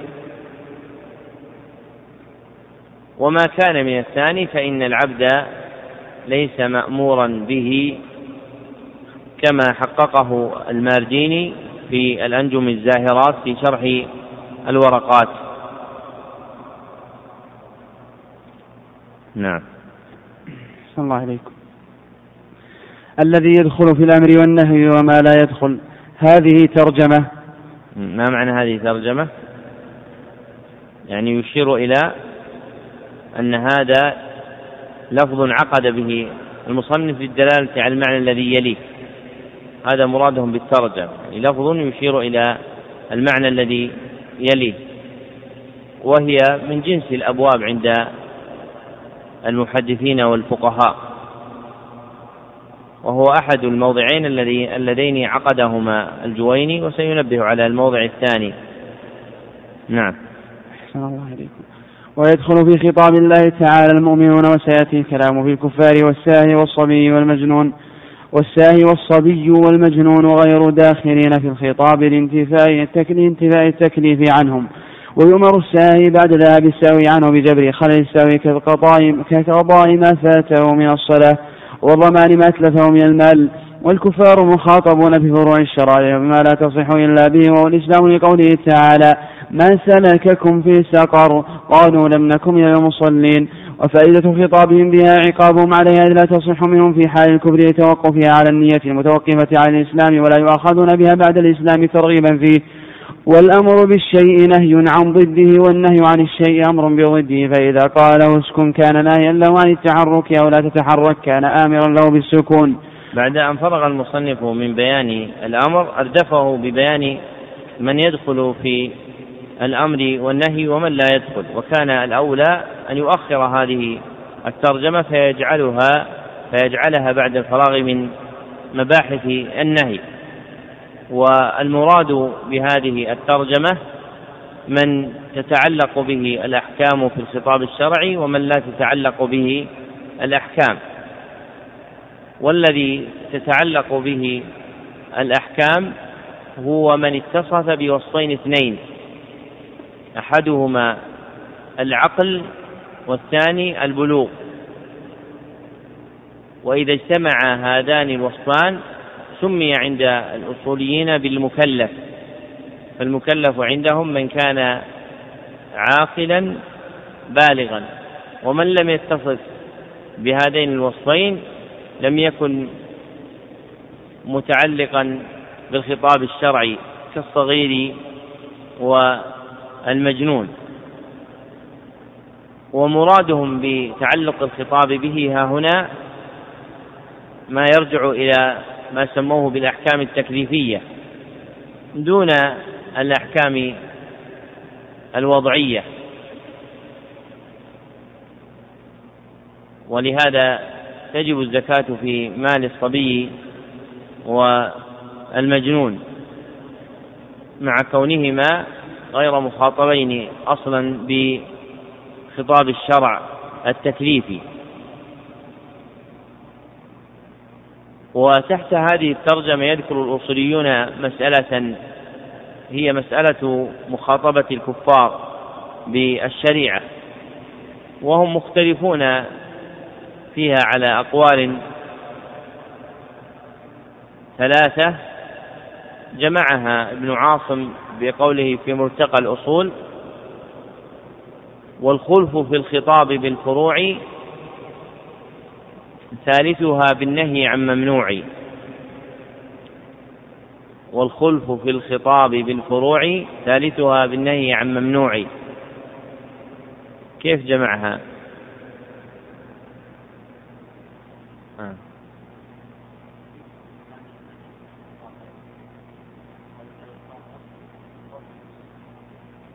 يفهم من كلام قال والخلف في الخطاب بالفروع ثالثها أي الذي تقدم يكون اثنان أحدهما أنهم مخاطبون والثاني أنهم غير مخاطبين والثالث أنهم مخاطبون بالنهي دون الأمر والصحيح أن الكفار مخاطبون بالشريعة كلها هذا هو الذي دلت عليه الأدلة.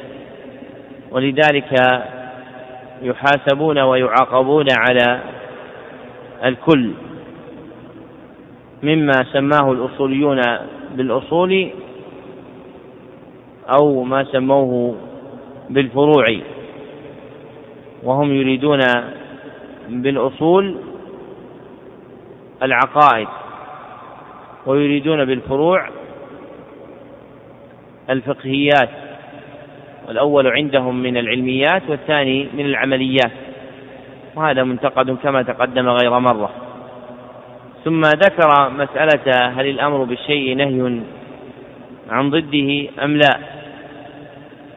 والمقطوع به أنه إذا كان الضد واحدا صار منهيا عنه.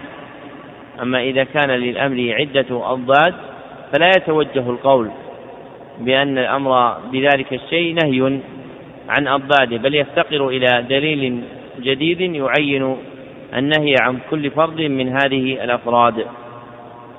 نعم.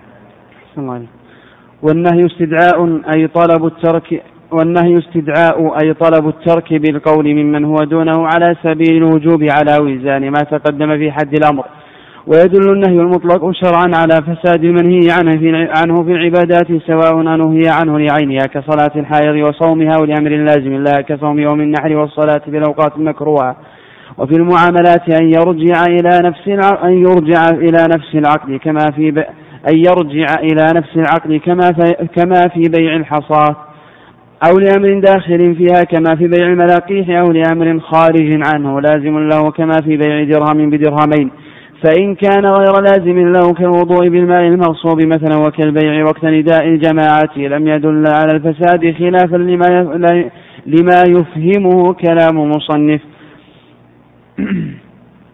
وترد أي توجد صيغة الأمر والمراد به أي بالأمر الإباحة كما تقدم أو التهديد نحو اعملوا ما شئتم أو التسوية نحو تصبروا أو لا تصبروا أو التكوين نحو كونوا قردة.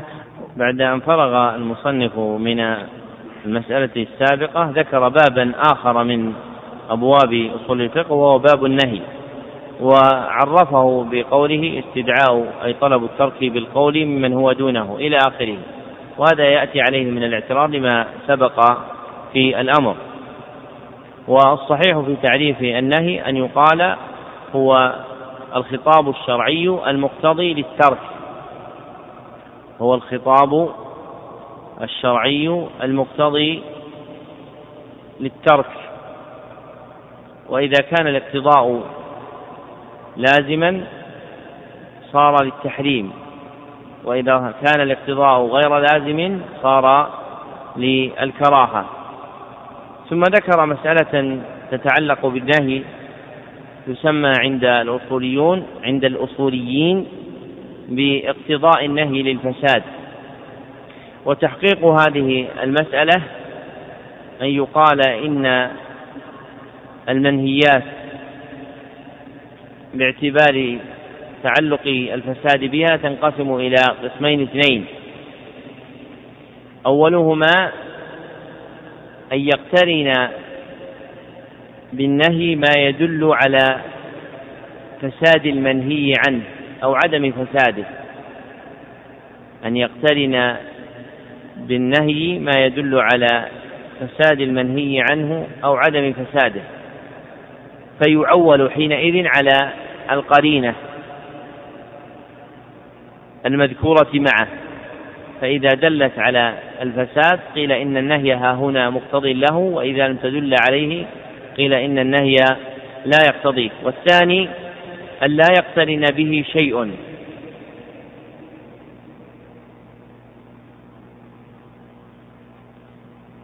وإذا لم يقترن به شيء فهو حينئذ منقسم إلى نوعين أيضا. أولهما أن يكون النهي متعلقا بذات الشيء. فيدل على فساد المنهي عنه. والثاني أن يكون النهي غير متعلق بذات الشيء.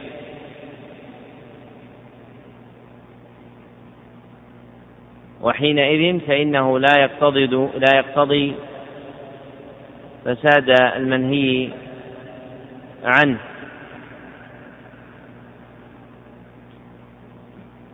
المثال الأول قوله صلى الله عليه وسلم إن الله لا يقبل صلاة أحدكم إذا أحدث حتى يتوضأ. فهذا نهي يتعلق بذات الشيء أي الصلاة. فيرجع عليها بالإبطال إذا وقع. ومثال الثاني لا صلاة بحضرة طعام. وهو يتعلق بأمر خارج عن ذات الصلاة فلا يرجع عليها بالإبطال. ثم بين بعد ذلك أن صيغة الأمر قد تخرج عن المراد بها وهو الإيجاب إلى الإباحة أو التهديد أو التسوية. واللائق إلحاق هذه الجملة بالأمر لا إتباعها بمبحث النهي. وكتاب الورقات وقعت المسامحة في وضعه وكأنه لاحظ ما يناسب المبتدئين من المسائل وإن وقع تفريق بين المتشابهات وكأن في ذلك تدريجا له باعتبار غموض المسألة أو وضوحها. بل بعض أهل العلم شكك في نسبة هذا الكتاب أعني كتاب الورقات إلى أبي المعالي الجويني والصحيح أنه له لكنه كتاب متقدم على غيره من الكتب التي وضعها ولهذا لا يؤخذ اختياره في كتاب الورقات لا يؤخذ اختياره في أصول الفقه من كتاب الورقات بل يؤخذ في كتبه من كتبه التي تأخرت وبسط فيها القول ككتاب البرهان. نعم. عليه. وأما العام فهو مع عم شيئين فصاعدا من غير حصر من قوله عممت زيدا وعمرا بالعطاء وعممت جميع الناس بالعطاء. أي, شملت أي, شمل أي شملتهم به ففي العام شمول. وألفاظه الموضوعة له أربعة الاسم الواحد المعرف بالألف واللام نحو. إن الإنسان لفي خسر إلا الذين آمنوا واسم الجمع المعرف باللام نحو فاقتلوا المشركين والأسماء المبهمة كمن في كمن في من في من يعقل كمن دخل داري فهو آمن في وما فيما لا يعقل نحو ما جاءني منك أخذته وأي استفهامية أو شرطية أو موصولة في الجميع أي من يعقل وما لا يعقل. نحو أي أي أي عبيدي جاء أي عبيدي جاءك أحسن أحسن إليه. وأي الأشياء أردت أعطيتك. وأين, وأين في المكان نحو أينما تكن أكن معك ومتى في الزمان نحو متى شئت جئتك. وما في الاستمهاء وما في الاستفهام نحو ما عندك. والجزاء نحو ما تعمل ما تعمل ما تعمل تجزى به. وفي ما تعمل تجزى به. ما تعمل تجزى به. وفي نسخة والخبر بدل الجزاء نحو. عمل عملت ما عملت وغيره كالخبر على النسخة الأولى والجزاء على الثانية ولا في النكرات نحو لا رجل في الدار. والعموم صفات النطق ولا يجوز دعوى العموم في غيره من الفعل وما يجري مجراه كما في جمعه صلى الله عليه وسلم بين الصلاتين في السفر رواه البخاري. فإنه لا يعم السفر الطويل والقصير فإنه إنما يقع في واحد منهما وكما في قضاء بشفعته الجار رواه النسائي عن الحسن مرسلا.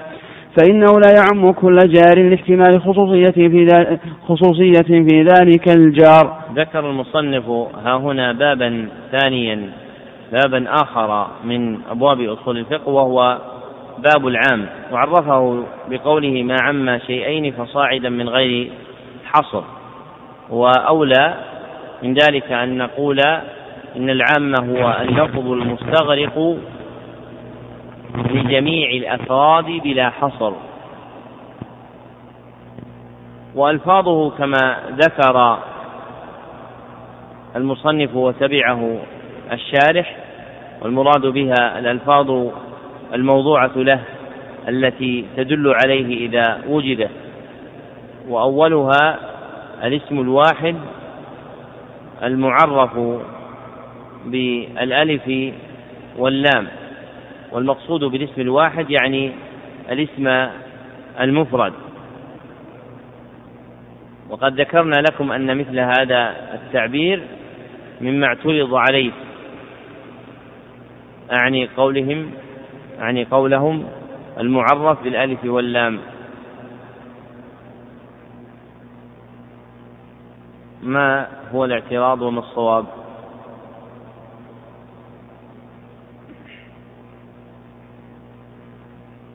هذه مرت علينا قريب في شرح العجل الرومية. أيوه. أحسنت. يقال إن ما تركب من حرفين عبر عنه بلفظه. فيقال ال ولا يقال ألف الألف واللام. فكان الأولى أن يقال المعرف بأل. والانتقاد الثاني.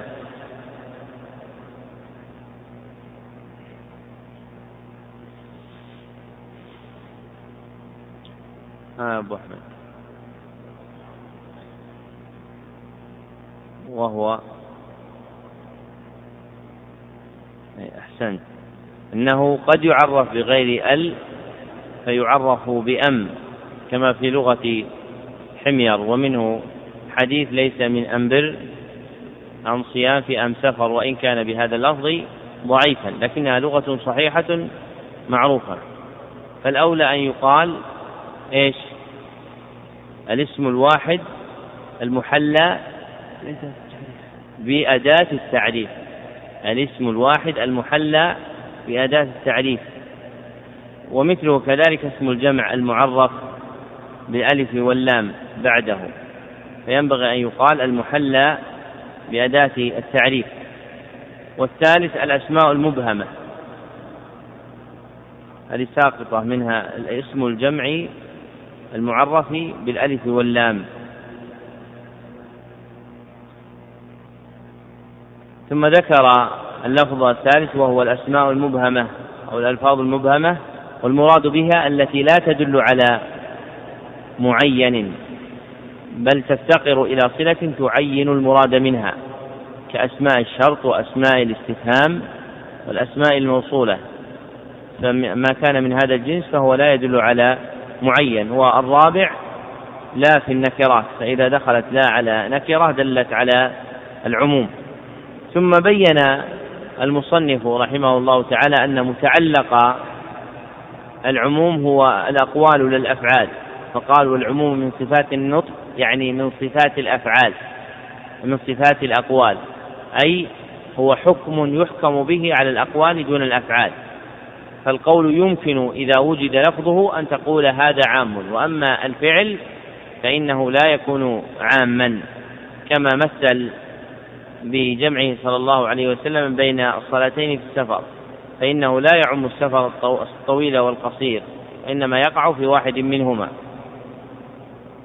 ومثل كذلك بالقضاء بالشفعة للجار.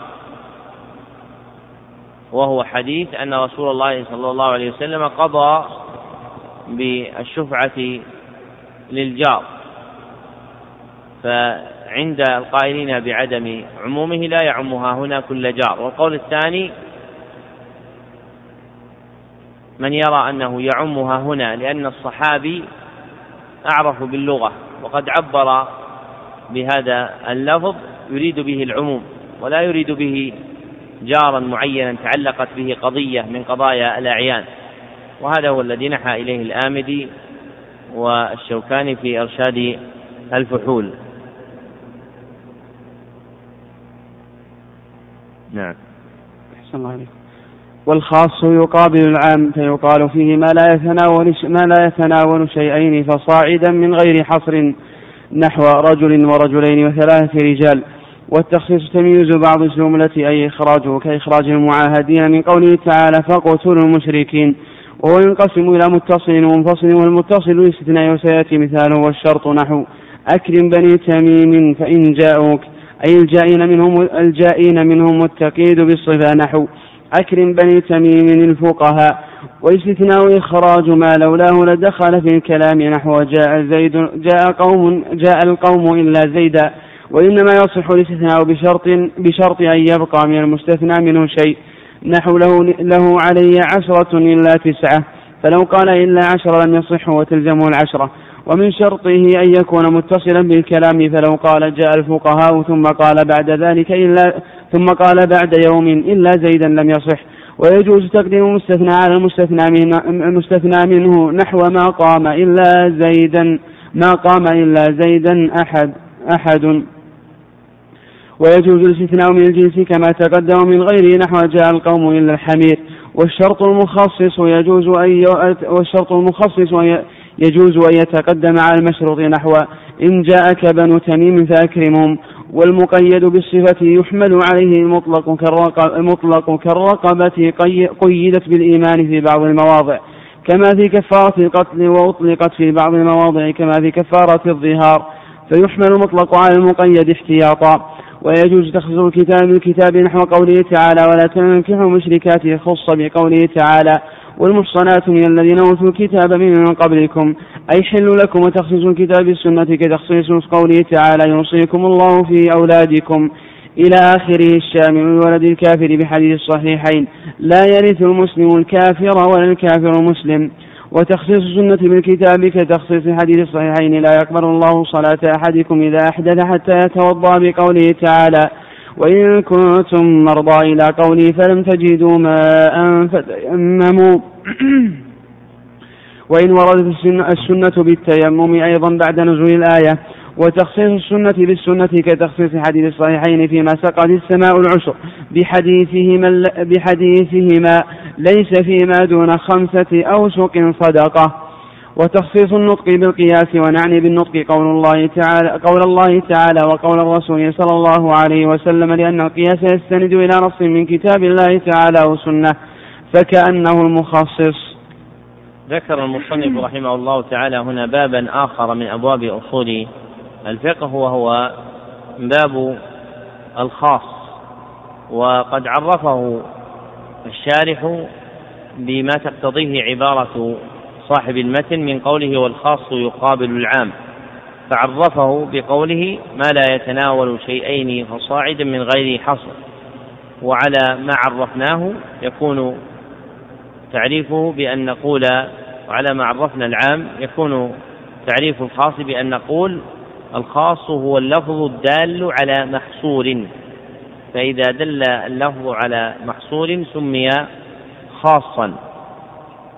ثم ذكر المصنف من المسائل المتعلقة بالخاص مسألة التخصيص والمراد بالتخصيص إخراج بعض أفراد العام. وهو المراد بقوله الجملة فإن الجملة هي العام فالتخصيص إخراج بعض أفراد العام وهذا الإخراج يقع عند الأصوليين بطريقين اثنين أحدهما التخصيص بالمتصل والثاني التخصيص بالمنفصل ونشأ من هذا من هذين الطريقين عندهم المخصصات المنفصلة والمخصصات المتصلة. وابتدأ المصنف رحمه الله بذكر المخصصات المتصلة أي التي تتصل بالكلام ثم أتبعها ببعض المخصصات المنفصلة.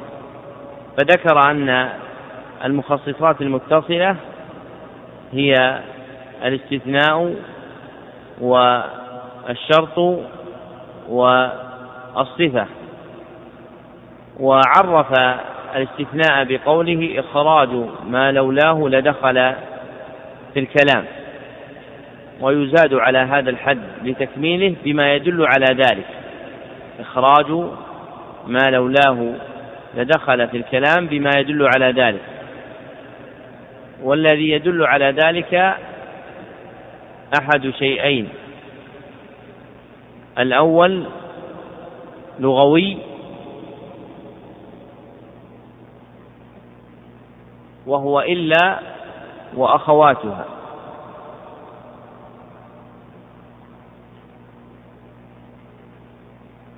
والثاني شرعي وهو إيش؟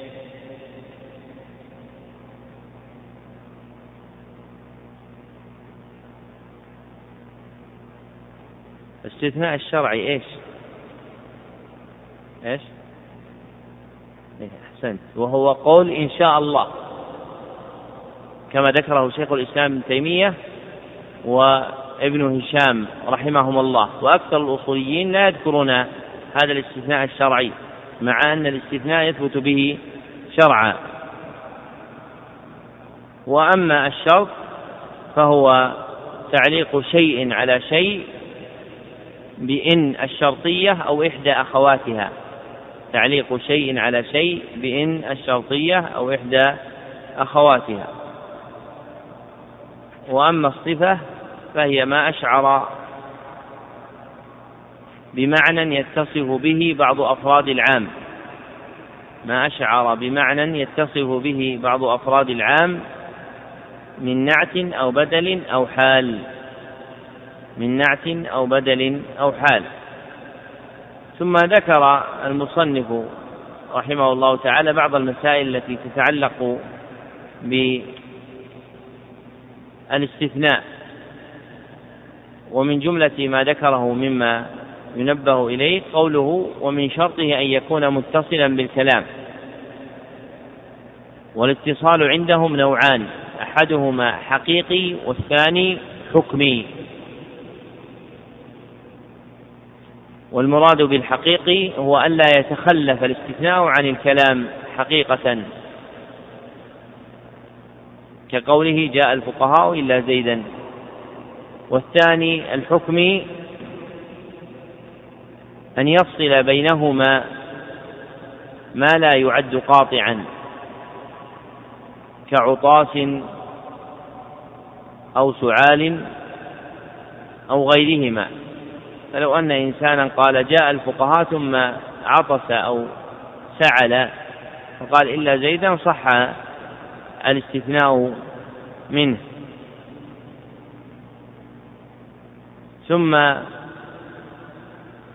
ذكر مما ينبني على التخصيص بالصفة التقييد والإطلاق فقال والمقيد بالصفة يحمل عليه المطلق إلى آخره. والمراد بالمطلق ما دل على الحقيقة بلا قيد. ما دل على الحقيقة بلا قيد. والمقيد ما دل على الحقيقة بقيد. ولما فرغ المصنف من ذكر المخصصات المتصلة انتقل إلى ذكر المخصصات المنفصلة واقتصر على نوع منها لأن التخصيصات المنفصلة ثلاثة أنواع.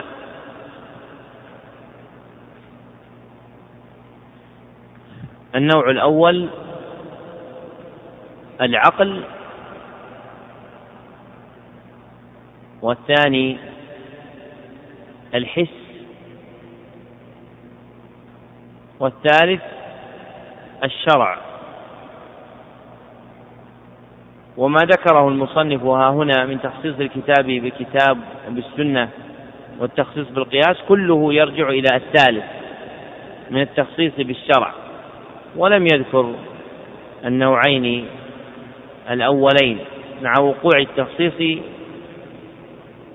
بهما. فمثلا من التخصيص بالعقل قوله تعالى الله خالق كل شيء فإن الكلية الدالة على العموم في قوله كل شيء دل العقل على إخراج الخالق سبحانه وتعالى منها لأن الخالق غير محدث والمخلوقات محدثة. فالذي يتعلق به الخلق هو المحدث دون المحدث وهو الخالق سبحانه وتعالى. والتخصيص بالحس تدمر كل شيء بأمر ربها فإنها لم تدمر كل ما على الأرض وإنما دمرت القوم الذين أرسل عليهم العذاب وهم عاد. نعم. أحسن الله عليكم. والمجمل ما يفتقر, ما يفتقر إلى البيان نحو ثلاثة قروء. فإنه يحتمل الأطهار والحيض لاشتراك القرء بين الحيض لاشتراك القرء بين الحيض والطهر.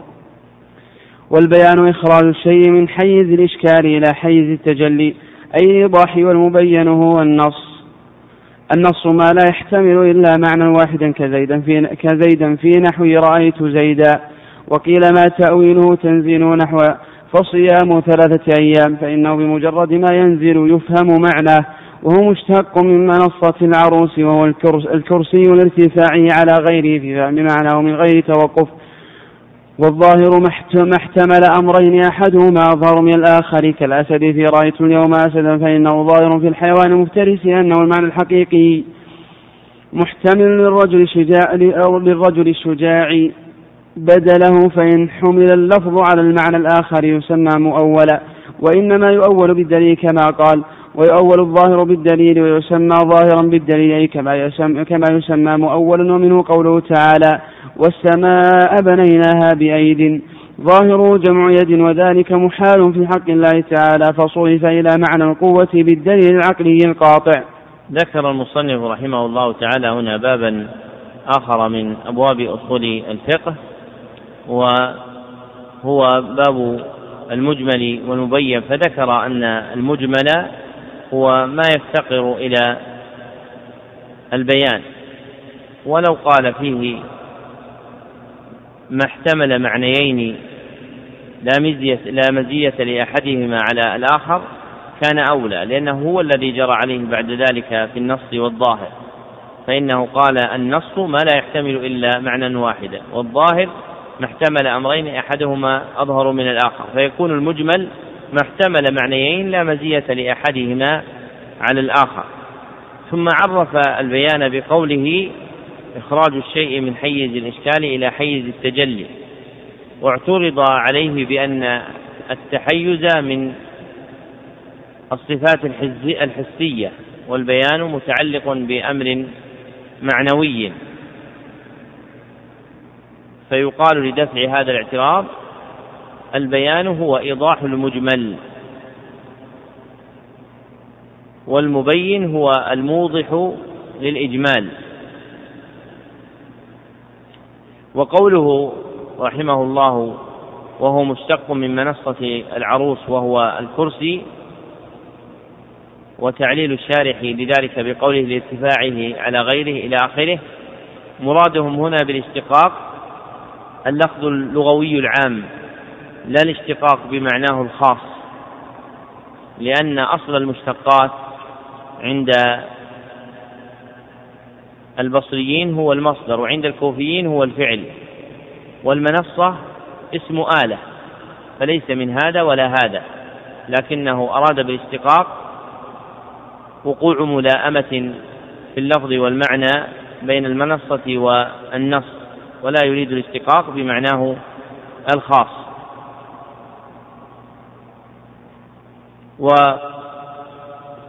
وقوله ويؤول الظاهر بالدليل ويسمى ظاهرا بالدليل ولم يتعرض لتعريفه. ويقال في تعريفه إن الظاهر بالدليل أو الذي يسمى المؤول هو اللفظ المصروف عن معناه الراجح إلى معنى مرجوح لقرينة معتد بها. هو اللفظ المصروف عن معناه الراجح إلى معنى مرجوح لقرينة معتد بها. ومثل الشارح كغيره من الأصوليين بقوله تعالى والسماء بنيناها بأيد وتوهموا أن ظاهره جمع يد. وجعلوا ذلك محالا في حق الله. والأيد في الآية إنما هو القوة. فمعنى الآية والسماء سماء بنيناها بأيد يعني بقوة. ولا ذكر هنا للأيدي. نعم. أحسن الله عليكم الأفعال هذه ترجمة. فعل صاحب الشريعة. هذه الترجمة الثانية التي ذكرناها. نعم. فعل صاحب الشريعة يعني النبي صلى الله عليه وسلم لا يخلو إما أن يكون على وجه القربة والطاعة أو لا يكون. فإن كان على وجه القربة والطاعة فإن دل دليل على الاختصاص به يحمل على الاختصاص كالزيادة في النكاح على أربعة نسوة. وإن لم يدل دليل على وإن, وإن لم يدل دليل لا يخص به لأن الله تعالى قال لقد كان لكم في رسول الله أسوة حسنة فيحمل على الوجوب عند بعض أصحابنا في حقه وحقنا لأنه الأحوط. ومن أصحابنا من قال يحمل على الندب لأنه محقق بعد الطلب. ومنهم من قال يتوقف فيه لتعارض الأدلة في ذلك فإن كان على غير وجه القربة والطاعة فيحمل على الإباحة كالأكل والشرب في حقه وحقنا. وإقرار صاحب الشريعة على القول من أحد أو وهو قول هو قول صاحب الشريعة أي كقوله وإقراره على الفعل من أحد كفعله لأنه معصوم عن أن يغر عن, عن أن يقر أحدا على منكر.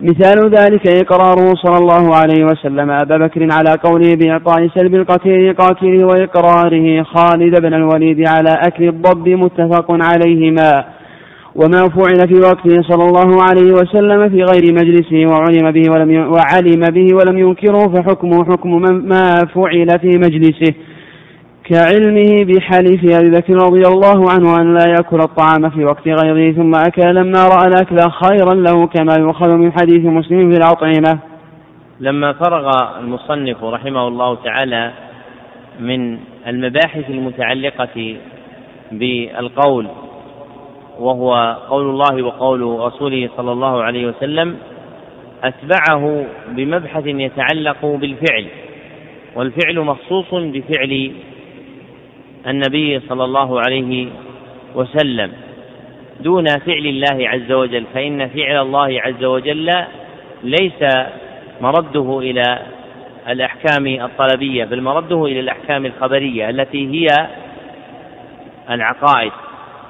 فهذا هو النكتة التي جعلت الأصوليين يقتصرون على الأفعال يعني أفعال النبي صلى الله عليه وسلم لأنها متعلق الأحكام الطلبية الشرعية. دون أفعال الرب عز وجل بخلاف القول. فإن القول يتعلق بقول الله وقول رسوله صلى الله عليه وسلم وتناط به المباحث التي تقدمت. وحاصل ما ذكره الشارح في هذا الباب أعني باب أفعال النبي صلى الله عليه وسلم أن أفعال النبي صلى الله عليه وسلم تنقسم إلى قسمين اثنين. أولهما ما فعله صلى الله عليه وسلم لا على وجه القربة والتعبد كأفعال العادة والجبلة. فهذه أمور مردها إليها ولا تعلق للشرع بها. والثاني ما فعله الرسول صلى الله عليه وسلم على وجه التعبد والقربة. وما كان من هذا الجنس فهو شرع.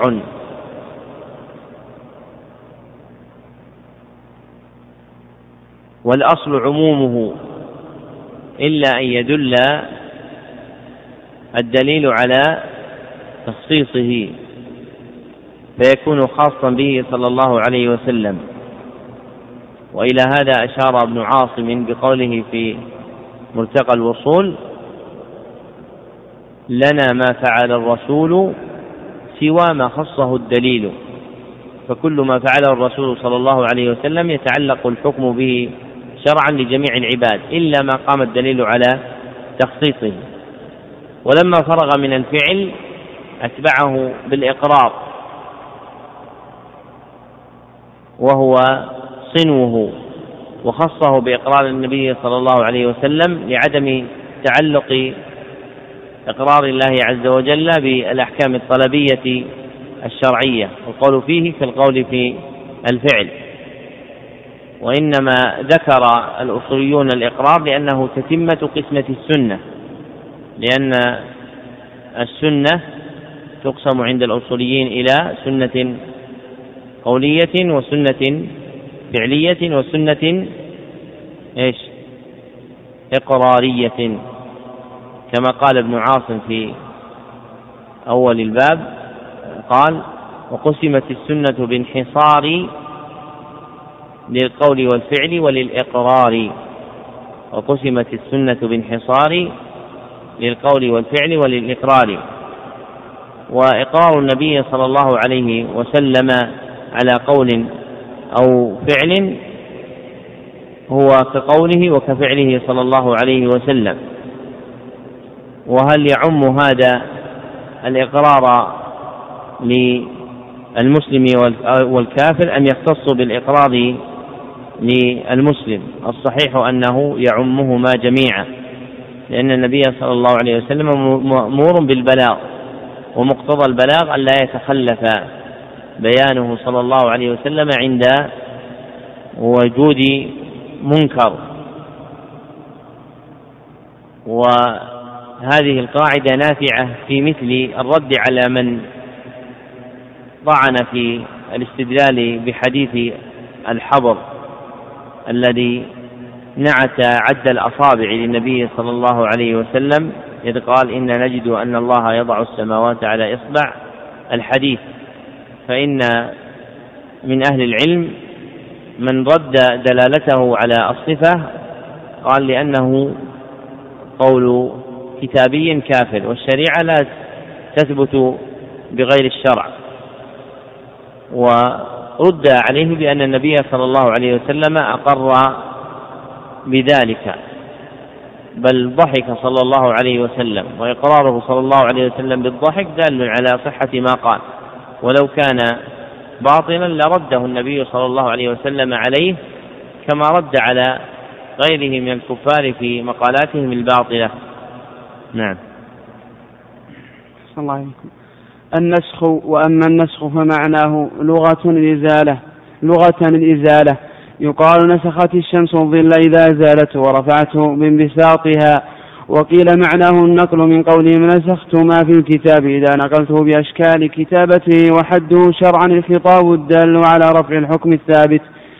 على رفع الحكم الثابت بالخطاب المتقدم على وجه لولاه لكان ثابتا مع تراخيه عنه. هذا حد الناسخ ويؤخذ منه حد النسخ بأنه رفع الحكم المذكور بخطاب بخطاب إلى آخره أي رفع تعلقه بالفعل فخرج بقوله الثابت فخرج بقوله الثابت بالخطاب رفع الحكم الثابت فخرج بقوله الثابت بالخطاب رفع الحكم الثابت بالبراءة الأصلية. أي عدم التكليف بشيء وبقولنا بخطاب المأخوذ بخطاب المأخوذ من كلام الرفع بالموت والجنون وبقوله على وجه على وجه إلى آخره ما لو كان الخطاب الأول مغين بغاية أو معللا بمعنى وصرح وصرح بالخطاب الثاني بمقتضى ذلك فإنه لا يسمى ناسخا للأول مثال قوله تعالى مثاله قوله تعالى إذا نودي للصلاة من يوم الجمعة فاسعوا إلى ذكر الله وذروا البيع فتحريم البيع مغيا بقضاء الجمعة فلا يقال إن قوله تعالى فإذا قضيت الصلاة فانتشروا في الأرض وابتغوا من فضل الله ناسخ للأول بل بين غاية التحريم وكذا بل بين غاية التحريم وكذا قوله تعالى وحرم عليكم صيد البر ما دمتم حرما لا يقال نسخه قوله تعالى وإذا حللتم فاصطادوا لأن التحريم لأن التحريم للإحرام وقد زال وخرج بقوله مع تراخيه عنه ما اتصل بالخطاب من صفة أو شرط أو استثناء. ويجوز نسخ الرسم بقاء الحكم نحو الشيخ والشيخة إذا زنيا فرجموهما البتة. قال عمر رضي الله عنه فإنا قد قرأناها رواه الشافعي وغيره. وقد رجم رسول الله صلى الله عليه وسلم المحصنين متفق عليه وهما المراد بالشيخ والشيخة. ونسخ ونسخ الحكم وبقاء الرسم نحو. والذين يتوفون منكم يذرون أزواجا وصية لأزواجهم متاعا إلى الحول. نسخ بآية يتربصن بأنفسهن أربعة أشهر وعشرا ونسخ الأمرين معا نحو حديث مسلم عن عائشة رضي الله عنها كان فيما أنزل عشر رضعات معلومات يحرم فنسخن بخمس, بخمس معلومات يحرم. وينقسم النسخ إلى بدل وإلى غير بدل. الأول كما في نسخ استقبال بيت المقدس باستقبال الكعبة وسيأتي والثاني كما في قوله تعالى إذا ناجيتم الرسول فقدموا بين يدي نجواكم صدقة. وإلى ما هو أغلظ كنسخ التخيير بين صوم رمضان والفدية إلى تعيين الصوم. قال تعالى وعلى الذين يطيقونه فدية. وإلى إلى قوله تعالى فمن شهد منكم الشهر فليصم. وإلى ما هو أخف كنسخ قوله تعالى إن يكن منكم عشرون صابرون يغلب يغلبوا مئتين. بقوله تعالى فإن يكن منكم مئة صابرة يغلبوا مئتين. ويجوز نسخ الكتاب بالكتاب كما تقدم في آيتي العدة وآيتي المصابرة. ونسخ السنة بالسنة كما كما تقدم في استقبال بيت المقدس الثابت بالسنة الفعلية في حديث الصحيحين بقوله تعالى فول وجهك شطر المسجد الحرام. والسنة نحو حديث مسلم كنت, كنت نهيتكم عن زيارة القبور فزوروها. وسكت عن نسخ الكتاب بالسنة وقد قيل بجوازه ومثل ومثل له بقوله تعالى كتب عليكم إذا حضر أحدكم الموت إن ترك خيرا الوصية للوالدين والأقربون. مع حديث مع حديث الترمذي. أحسن عليكم. كتب عليكم إذا حضر أحدكم الموت إن ترك خيرا الوصية للوالدين والأقربين. مع حديث الترمذي وغيره لا وصية لوارث. واعترض بأنه خبر أحد وسيأتي أنه لا ينسخ المتواتر أنه لا ينسخ المتواتر بالآحاد وفي نسخة ولا يجوز نسخ الكتاب بالسنة. أي بخلاف تخصيصه بها كما تقدم لأن التخصيص أهون من النسخ. ويجوز نسخ المتواتر بالمتواتر ونسخ الأحاد بالأحاد وبالمتواتر ولا يجوز نسخ المتواتر كالقرآن بالأحاد لأنه دونه في القوة والراجح جواز ذلك لأن محل النسخ والحكم والدلالة عليه بالمتواتر ظنية كالآحاد. ذكر المصنف ها هنا بابا آخر من أبواب أصول الفقه وهو باب النسخ وقد عرفه صاحب الأصل بقوله الخطاب الدال على رفع الحكم الثابت بالخطاب المتقدم. وهذا التعريف يقصر تعلق النسخ بالحكم مع أن المصنف ذكر تعلقه أيضا بالرسم. فالنسخ يتعلق بالحكم ويتعلق برسم الحكم أيضا. ويقال حينئذ إن التعريف الجامع في النسخ أن يقال هو رفع الخطاب الشرعي أو الحكم الثابت به رفع الخطاب الشرعي أو الحكم الثابت به أو هما معا بخطاب شرعي متراخ.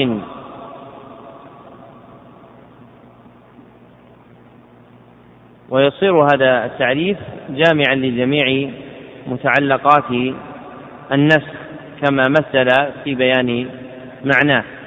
ثم ذكر في الأصل وتبعه في الشرح تقسيم النسخ باعتبارات ثلاثة. فذكره أولا باعتبار تعلقه برسم الخطاب وثبوت الحكم وذلك في قوله ويجوز نسخ الرسم إلى آخره. فهذه هي أقسام النسخ باعتبار تعلقه برسم الخطاب وثبوت الحكم.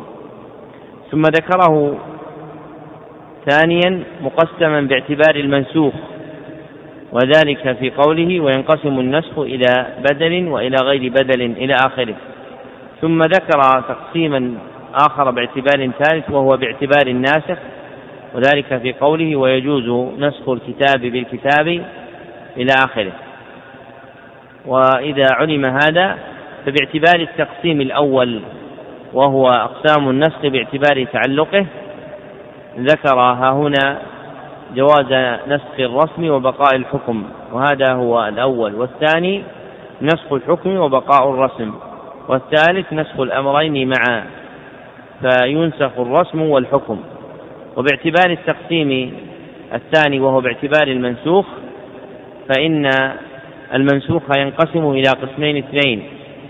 أحدهما منسوخ إلى غير بدل.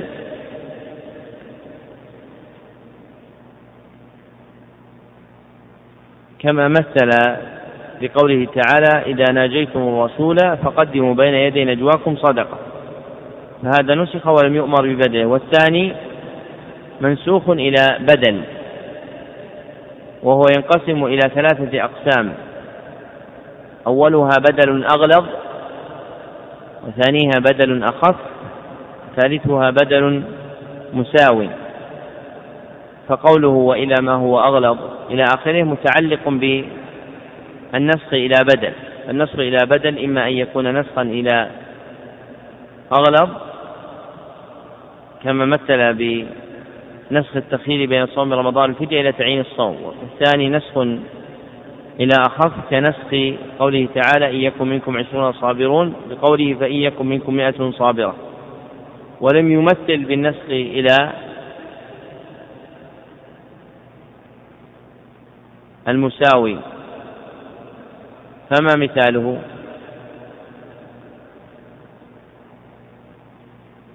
آه كريم أحسنت. النسخ إلى مساو كتحويل القبلة فإنهم كانوا يستقبلون بيت المقدس فأمروا بأن يحولوا إلى يتحولوا إلى الكعبة. ثم ذكر اسمته باعتبار ثالث وهو باعتبار الناسخ فذكر نسخ الكتاب بالكتاب ونسخ السنة بالكتاب ويقابله أيضا نسخ السنة بالسنة والقسم الرابع نسخ الكتاب بالسنة ولم يذكر المصنف هذا النوع وهو نسخ الكتاب بالسنة وقد قيل بجوازه وهو الصحيح أنه يجوز نسخ الكتاب بالسنة لكن يبقى القول في وقوعه فهو من جنس الجائز عقلا غير الواقع شرعا. فإن كل مثال ذكره الأصوليون في نسخ الكتاب بالسنة بأن يكون حديث النبوي نسخ آية لا يسلم من معارضة وقد أتى العلامة محمد الأمين الشنقيطي بمثال لم يذكره من قبله. وهو ما في صحيح مسلم عن عائشة رضي الله عنها قالت كان فيما أنزل عشر رضعات يحرمن ثم نسخ. المنسوخ من الكتاب أم ليس من الكتاب؟ شو الجواب؟ من الكتاب لأنها قالت كان فيما أنزل. ثم نسخ. نسخ بماذا؟ هل في آية في الخمس وضعات ولا أحاديث؟ أحاديث. في ذلك أحاديث. وهذا المثال وإن كان فيه قوة إلا أنه يبقى احتمال أن يكون نسخ القرآن بقرآن فيه تعيين الخمس ثم رفعت الخمس وبقي الحكم ثابتا بالسنة فهذا احتمال يرد ويقوي هذا الاحتمال أن رد أمر الكتاب في أحكامه. جاء في آيات كثيرة موكلا إلى الله سبحانه وتعالى.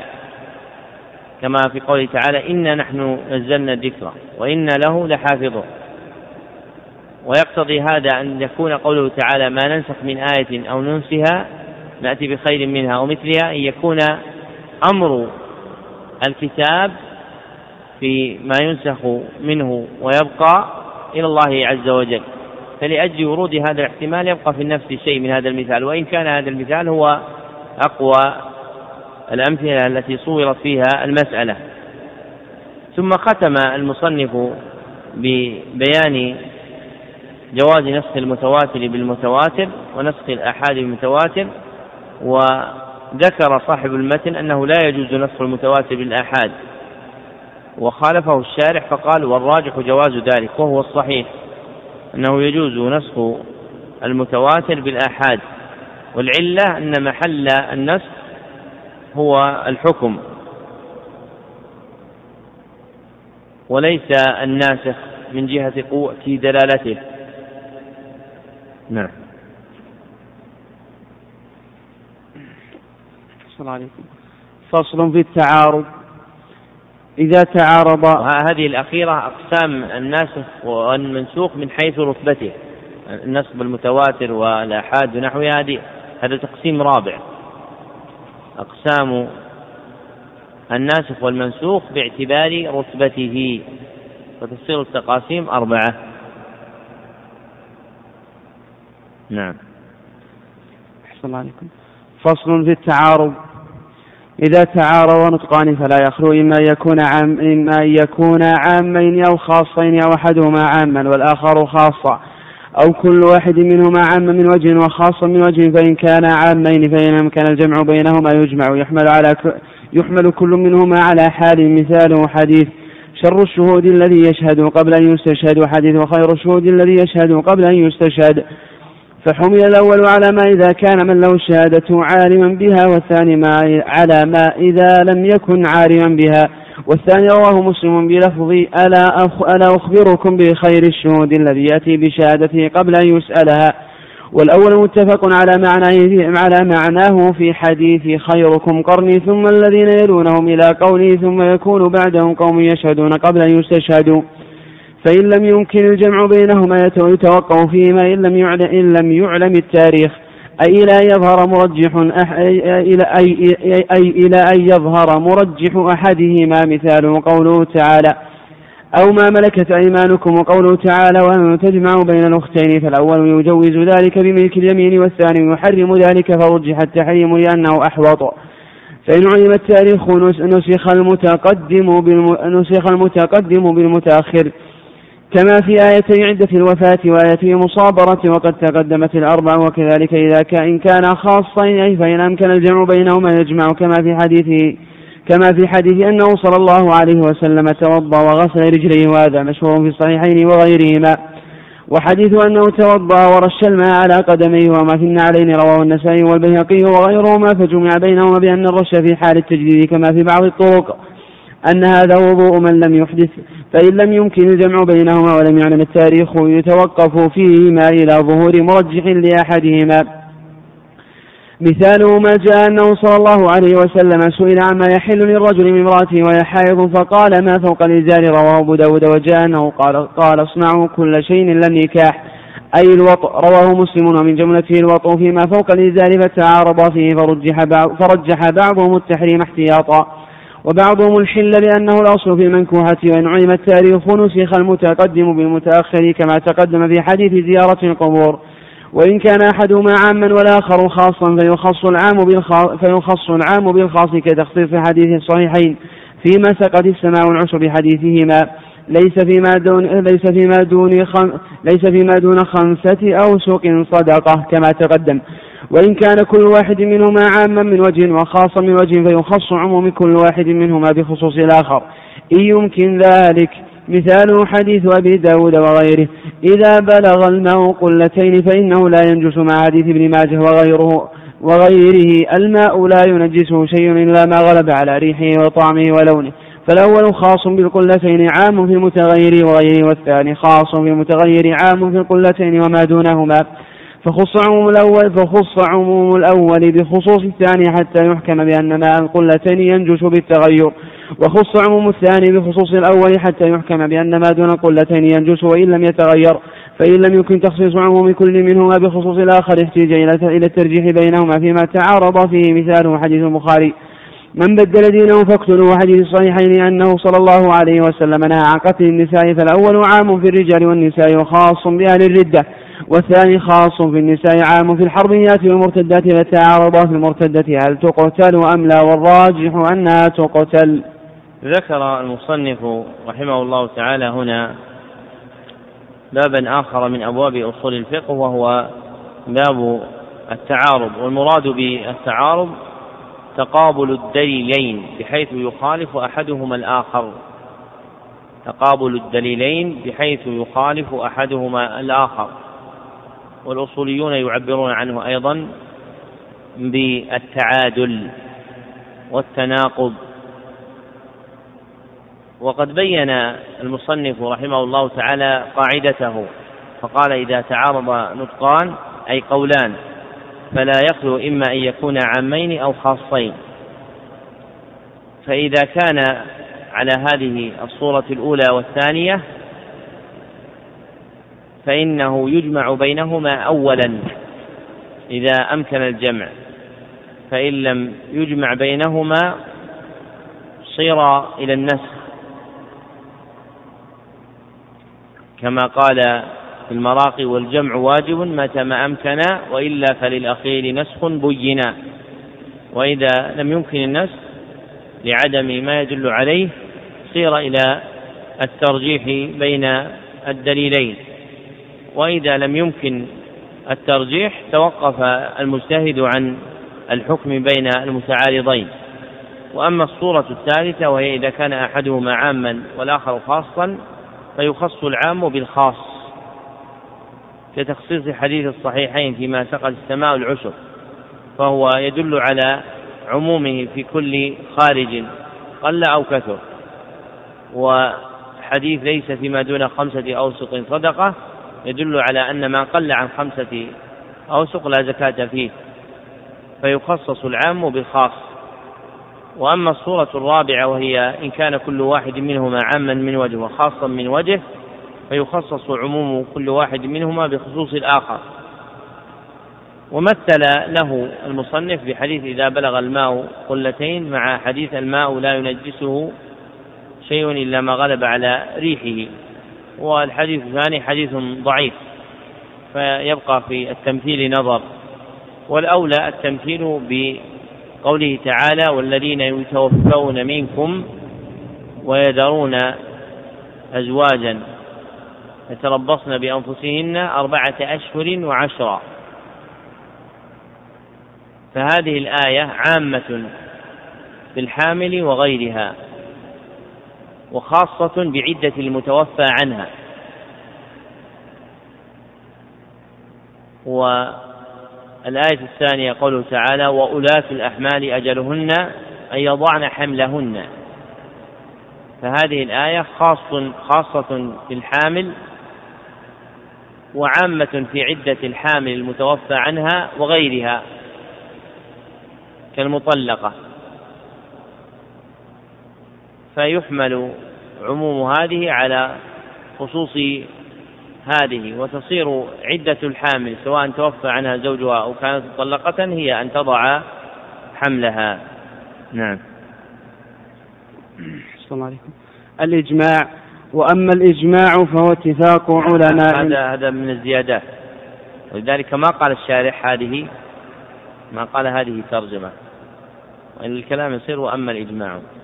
نعم. الله وأما الإجماع فهو اتفاق علماء أهل العصر على حكم الحادثة فلا يعتبر وفاق العوام لهم. ونعني بالعلماء الفقهاء فلا يعتبر موافقة الأصوليين لهم.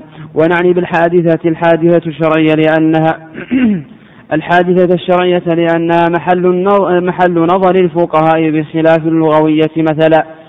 فإنما يجمع فيها فإنما يجمع فإنما يجمع فيها علماء اللغة وإجماع هذه الأمة حجة. دون غيرها لقوله صلى الله عليه وسلم لا تجتمع أمتي على ضلال رواه الترمذي وغيره والشرع ورد بعصمة هذه الأمة لهذا الحديث ونحوه. والإجماع حجة على العصر الثاني ومن بعده وفي أي عصر كان من غير الصحابة ومن بعدهم. ولا يشترط في حجة في حجيته انقراض العصر بأن يموت أهله على الصحيح. لسكوت أهل أدلة الحجية عنه وقيل يشترط لجواز أن يطرأ على بعضهم ما يخالف اجتهاده فيرجع عنه فيرجع عنه. وأجيب بأنه لا يجوز له الرجوع لإجماعهم عليه فإن قلنا إن انقراض العصر شرط يعتبر فإن في انعقاد الإجماع قول من ولد في حياته متفقة وصار من أهل الاجتهاد. ولهم على هذا القول أن يرجعوا عن ذلك الحكم الذي أدى اجتهادهم إليه والإجماع يصح بقولهم وفي فعلهم. كأن يقولوا بجواز شيء أو يفعله فيدل فعلهم عليه على جواز لعصمتهم كما تقدم.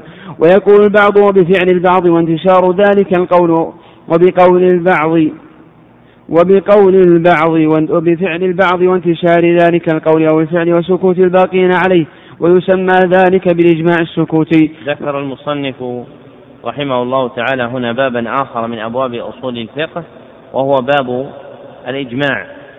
وهذا رجوع إلى الأدلة مرة ثانية بعد أن ذكر ما يتعلق بالقرآن والسنة من مباحث دلالات الألفاظ رجع إلى استكمال الأدلة المعتد بها والإجماع هو اتفاق مجتهدي عصر من عصور أمة محمد صلى الله عليه وسلم بعد وفاته على حكم شرعي. اتفاق مجتهدي عصر من عصور أمة محمد صلى الله عليه وسلم بعد وفاته على حكم شرعي وهو نوعان اثنان. أحدهما إجماع نطقي وهو المشار إليه بقوله والإجماع يصح يصح بقولهم أي بأن يتكلم كل واحد من المجتهدين. فتتطابق أقوالهم ويعد اجماعا. والثاني إجماع سكوتي وهو المذكور في قوله ويقول البعض وبقول البعض وبفعل البعض وانتشار ذلك القول أو الفعل إلى آخره. وهو الذي يشير إليه أهل العلم بقولهم ولا نعلم له مخالفا. وعامة الإجماع هو من هذا الجنس. وهو حجة وإجماع على الصحيح. وذكر المصنف من المسائل التي تتعلق بالإجماع مسألة اشتراط انقراض العصر الذي أجمع فيه أهله على مسألة ما أم لا يشترط ذلك. والصحيح كما ذهب إليه أنه لا يشترط في حجيته انقراض العصر. فإذا ثبت الإجماع وانعقد بقي الحكم به. وإن نشأ في آخر العصر من أدرك المجمعين أولا فإنه لا يجوز له خلافهم لانعقاد الإجماع بقولهم. ولهذا رد الفقهاء رحمهم الله تعالى أقوالا حدثت بعد عهد الصحابة وعدوها مخالفة للإجماع.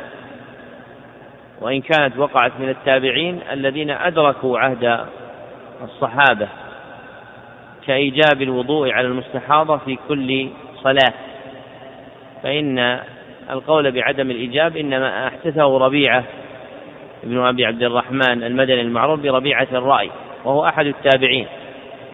والصحابة مجمعون على إيجاب الوضوء على المستحاضة عند كل صلاة. نعم. أحسن الله عليكم. وقول الواحد من الصحابة ليس حجة على غيره على القول الجديد وفي القديم حجة. لحديث أصحابي كالنجوم بأيهم اقتديتم اهتديتم وأجيب بضعفه. ذكر المصنف ها هنا بابا آخر من أبواب أصول الفقه وهو قول الصحابي. واختلف أهل العلم في حجيته على أقوال أصحها أن قول الصحابي حجة بشرطين اثنين. أحدهما أن لا يخالف ما هو أعلى منه من الأدلة وهو الكتاب والسنة. والثاني أن لا يخالف قول صحابي آخر. وإلى ذلك أشار العلامة ابن عثيمين في نظم القواعد والأصول بقوله قول الصحابي حجة على الأصح إيش؟ ما لم يخالف ما لم يخالف مثله فما رجح يعني ما لم يخالف صحابيا آخر أو ما كان أرجح وهو دليل الكتاب أو السنة. والحديث الذي أورده هنا لكون قول الصحابي حجة حديث لا يصح. والأدلة على حجية قول الصحابي كثيرة. بسطها ابن القيم في إعلام الموقعين. نعم. وأما الأخبار فالخبر ما, يدخل ما يدخله الصدق والكذب لاحتماله لهما من حيث إنه خبر كقوله قام زيد يحتمل أن يكون صدقا ويحتمل أن يكون صدقا وأن يكون كذبا. وقد يقطع بصدقه أو كذبه لأمر خارجي لا لذاته فالأول كخبر الله والثاني كقولك الضدان يجتمعان والخبر ينقسم إلى أحاد ومتواتر فالمتواتر ما يوجب العلم. فالمتواتر ما يوجب العلم وهو أن يرويه جماعة لا يقع التواطؤ ولا يقع التواطؤ على الكذب من مثلهم.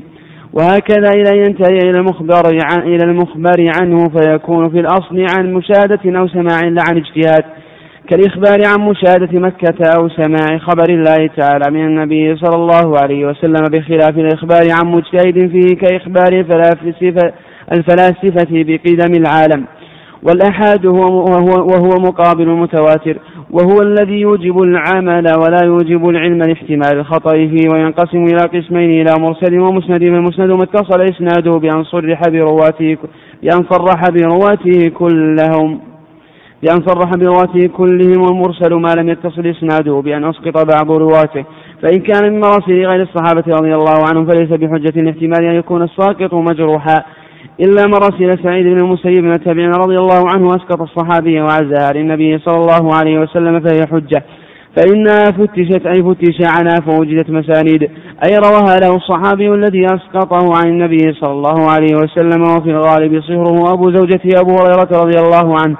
أما مراسل الصحابة بأن يروي صحابي عن صحابي عن النبي صلى الله عليه وسلم ثم يسقط الثاني فحجة لأن الصحابة كلهم عدول. والعنعنة بأن يقال حدثنا فلان عن فلان إلى آخره يدخل على الإسناد أي على حكمه فيكون الحديث المروي. فيكون الحديث المروي بها في حكم مسند لا في حكم مرسل لاتصال سنده في الظاهر. وإذا قرأ الشيخ وغيره يسمعه يجوز للراوي يقول حدثني أو أخبرني وإن قرأه على الشيخ يقول أخبرني ولا يقول حدثني لأنه لم يحدثه. ومنهم من أجاز حدثني وعليه عرف أهل الحديث لأن القصد الإعلام بالرواية عن الشيخ وإن أجازه الشيخ من غير قراءته فيقول الراوي أجازني وأخبرني إجازة ذكر المصنف ها هنا بابا آخر من أبواب أصول الفقه وهو باب الأخبار. وباب الأخبار عند الأصوليين لا يختص خبر النبي صلى الله عليه وسلم بل هو عندهم يشمل الخبر العام والخبر الخاص والمراد بالخبر الخاص خبر الشريعة ومتعلقه عندهم قول النبي صلى الله عليه وسلم وما يروى عنه ولكنهم يعممون الخبر فيجعلونه مستوعبا لجميع المنقول سواء عن النبي صلى الله عليه وسلم أو غيره. ولذلك تكلم المصنف في أول هذا النوع عن الخبر وعرفه بقول ما يدخله الصدق الصدق أو الكذب والكذب يريد بهذا الخبر العام. لا أخبار النبي صلى الله عليه وسلم. وتقدم بيان أن الراجح أن الخبر هو قول إيش؟ قول إيش؟ يلزمه الصدق أو الكذب. ولا نقول يحتمل الصدق أو الكذب. والخبر العام ينقسم باعتبار طرق نقله إلى أحاد ومتواتر. فقوله والخبر ينقسم إلى أحاد ومتواتر يريد بذلك الخبر العام. ثم انتقلت هذه القسمة إلى الخبر الخاص فصار من الأصوليين ومن تبعهم من المشتغلين بالحديث يقسمون أحاديث النبي صلى الله عليه وسلم إلى آحاد ومتواتر ويتكلمون عليها بمثل الكلام الذي تكلم به الأصوليون على الخبر العام وهذا خلط أوجب أخطاء كثيرة. منها ما صار إليه من يقسم الخبر إلى متواتر وآحاد فيجعل الخبر فيجعل المتواتر يفيد العلم والآحاد يفيد الظن أو يجعله متعلقه العمل. ولذلك لما قال رجل للإمام أحمد هذا ما أوجب علما يا أبا عبد الله؟ قال لا أدري ما هذا. يعني لا أدري ما هذا الكلام الذي تقوله لأنه ليس من اصطلاحات أهل الفن وهم نقلة الشريعة وإنما اصطلاح في الحكم على الأخبار العامة. وخبر الشريعة يحكم عليه بالمتواتر والآحاد لا بالمأخذ الذي ذكره الأصوليون في الخبر العام.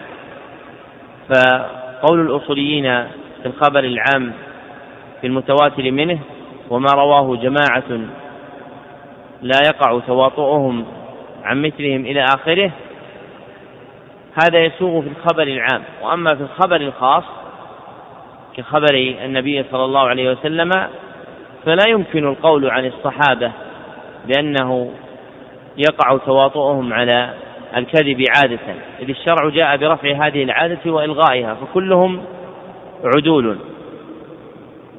وإلى كون الأخبار كلها آحادا جنح جماعة من الكبار صرحوا بهذا كالشافعي وابن حبان والحازمي وابن أبي الدم يريدون بذلك أخبار الشريعة المنقولة بالطريق النبوي. وقد يكون خبر الشريعة متواترا من جهة أخرى كالقرآن فإن القرآن متواتر. لكن ليس بمعنى التواتر الذي يذكره الأصوليون في الخبر العام بل يريدون به تواتر الطبقة بأن يكون شائعا مستفيضا في كل قرن من قرون الأمة. ولذلك عندما يقال قراءة نافع وقراءة عاصم وقراءة حمزة لا يراد أنه كان الوحيد في قرنه الذي يقرأ بها ولكن لم يبق من المجتهد بها إلا هو فنسبت إليه رحمه الله. ومن لم يفهم هذا التواتر استشكل تواتر القراءات وقال القراءات آحاد لأنها ترجع إلى أفراد. وتواتر القراءات ليس كتواتر خبر الشريعة الآخر وهو الحديث النبوي كما أن خبر الشريعة كله ليس كتواتر الخبر العام. وهذه الجملة سبق الإشارة إلى طرف مما يتعلق بها وإن كانت طويلة الديل في التقريرات على تخصيص دليل أرباب الفلاح وهو من دروسه برنامج اليوم الواحد. ثم ذكر المصنف مما يتعلق بمباحث الآحاد المرسل والمسند وعرف المسند بأنه ما اتصل إسناده. وعلى ما حرره ابن حجر في النكت على ابن الصلاح فالمسند هو ما أضافه من سمع النبي صلى الله عليه وسلم بسند ظاهره الاتصال. والمرسل عند الأصوليين ما لم يتصل إسناده سواء سقط منه واحد أو أكثر أو جميع السند. فالمرسل عندهم يعم أنواعا كثيرة عند المحدثين وأما عند المحدثين فهو ما رفعه التابع إلى رسول الله صلى الله عليه وسلم. ثم ذكر حكم المرسل وأن مراسيل غير الصحابة ليست بحجة. ومعنى هذا أن مراسيل الصحابة حجة. واستثنى الشافعية مراسيل سعيد بن المسيب. والعلة في ذلك عند من قال به منهم أنها فتشت فوجدت مسانيد. وقد أورد الباقلاني وابن الفركاح في شرح الورقات على هذا الدليل اعتراضا قويا وهو أنها إذا فتشت فوجدت مسانيد فالحجة في المسانيد لا في المرسل. وهذا هو الصحيح أن مرسل سعيد كمرسل غيره من التابعين. ثم ذكر بعض المصطلحات التي تتعلق برواية الحديث وهي العنعنة والقراءة على الشيخ والسماع منه والإجازة. وهذه مباحث مردها إلى علوم الحديث أولى من ردها إلى أصول الفقه. نعم. وأما القياس فهو رد الفرع إلى الأصل بعلة تجمعهما في الحكم كقياس الأرز على البر على البر في الربا بجامع الطعم. وهو ينقسم إلى ثلاثة أقسام إلى قياس علة وقياس دلالة وقياس شبه فقياس العلة ما كانت العلة فيه موجبة للحكم. بحيث لا يحسن عقلا تخلفه عنها كقياس الضرب على التعفيف والدين في التحريم من علة الإيذاء وقياس الدلالة هو الاستدلال بأحد النظيرين على النظيرين على الآخر وهو أن تكون العلة دالة على الحكم ولا تكون موجبة للحكم كقياس مال الصبي على مال البالغ في وجوب الزكاة. في وجوب الزكاة فيه بجامع أنه مال نام ويجوز أن يقال لا يجب في مال الصبي كما قال به أبو حنيفة فيه. وقياس الشبه أبو حنيفة فيه. وقياس الشبه هو الفرع المردد بين أصلين بين أصلين فيلحق بأكثره ما شبه. كما في العبد إذا أتلف فإنه مردد في الضمان بين الإنسان الحر من حيث أنه آدمي وبين البهيمة من حيث إن من حيث إنه مال. وهو بالمال أكبر شبها من الحر بدليل أنه يباع ويورث ويوقف وتضمن أجزاؤه بما نقص من قيمته. ومن شرط الفرع أن يكون مناسبا للأصل فيما يجمع به بينهما للحكم أي أن يجمع بينهما بمناسب للحكم ومن شرط الأصل أن يكون ثابتا بدليل متفق, متفق عليه بين الخصمين أن يكون القياس حجة على الخصم. فإن لم يكن خصم فإن, فإن لم يكن خصم فالشرط ثبوت حكم الأصل بدليل يقول, يقول به القيا يقول به القياس. ومن شرط العلة أن تطرد في معلولاتها فلا تنتقض لفظا ولا معنى. فمن فمن تنتقضت لفظا بأن صدقت الأوصاف المعبر بها عنها في صورة بدون حكم أو معنى. بأن وجد المعنى المعلل به في صورة بدون حكم فسد, فسد القياس. الأول أي كي يقال في القتل بالمثقل إنه قتل عمد وعدوان فيجوب القصاص كالقتل بالمحدد. فينتقض ذلك بقتل الوالد ولده فإنه لا يجب به قصاص والثاني كأن يقال تجب الزكاة في المواشي لدفع حاجة الفقير فيقال ينتقض ذلك بوجوده في الجواهر ولا زكاة فيها. ومن شرط الحكم أن يكون مثل العلة في أن يكون مثل العلة في النفي والإثبات أي تابعا لها في ذلك. إن وجدت وجد وإن انتفت انتفى. والعلة هي الجالبة للحكم بمناسبتها له والحكم المجلوب للعلة لما ذكر. ذكر المصنف رحمه الله تعالى هنا بابا آخر من أبواب أصول الفقه وهو باب القياس. وعرفه بقوله رد الفرع إلى الأصل بعلة تجمع في الحكم. وأولى من هذا أن يقال القياس هو حمل معلوم على معلوم في الحكم. لعلة تجمع بينهما هو حمل معلوم على معلوم في الحكم لعلة تجمع بينهما. ثم ذكر المصنف أقسام القياس باعتبار ما اجتمع فيه الفرع والأصل فينقسم إلى ثلاثة أقسام. القسم الأول قياس علة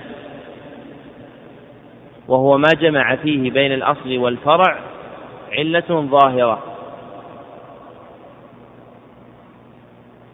ما جمع فيه بين الفرع والأصل علة ظاهرة والثاني قياس دلالة وهو ما جمع فيه بين الأصل والفرع دليل العلة وهو أثرها. والثالث قياس شبه وهو ما جمع فيه بين الأصل والفرع علتان متجاذبتان. ترجع كل واحدة منهما إلى أصل. ومثل المصنف لذلك ثم ذكر بعض شروط كل ركن من أركان القياس فذكر شرطا للفرع وشرطا للأصل وشرطا للعلة وشرطا للحكم. ثم ختم هذا البحث بقوله والعلة هي الجالبة للحكم بمناسبتها له.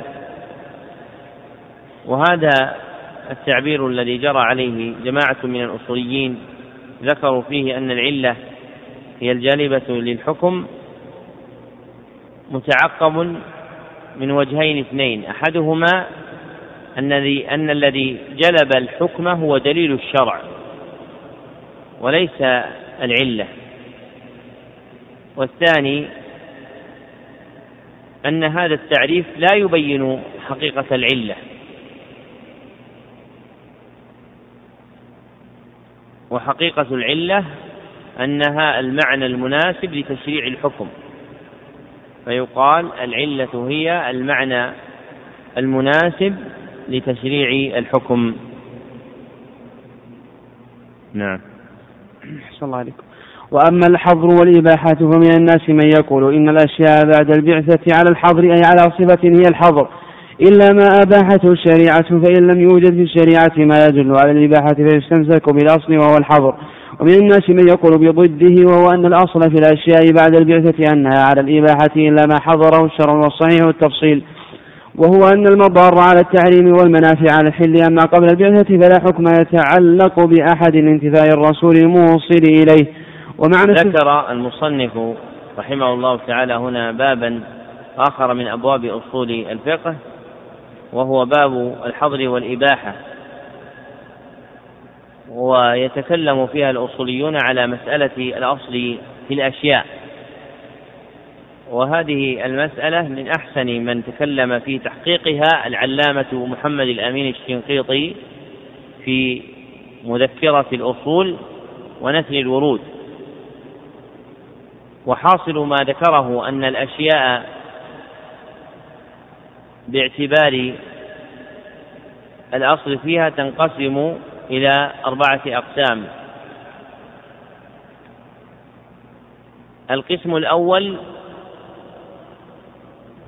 ما يشتمل على مصلحة خالصة.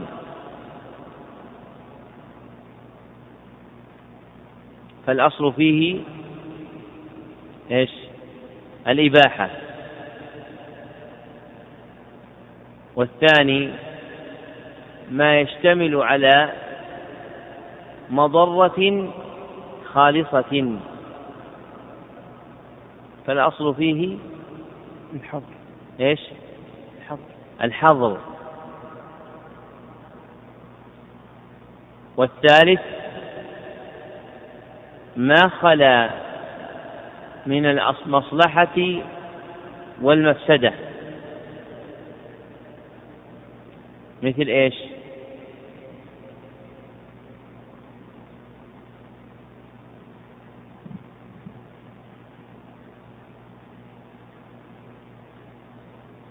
قال العلامة محمد الأمين الشنقيطي وهذا لم أرى أحدا ذكره لأنه إنما يدل عليه دليل العقل. أما في الوجود فلا يوجد شيء يكون كذلك يخلو من المصلحة والمفسدة من كل وجه. والقسم الرابع ما فيه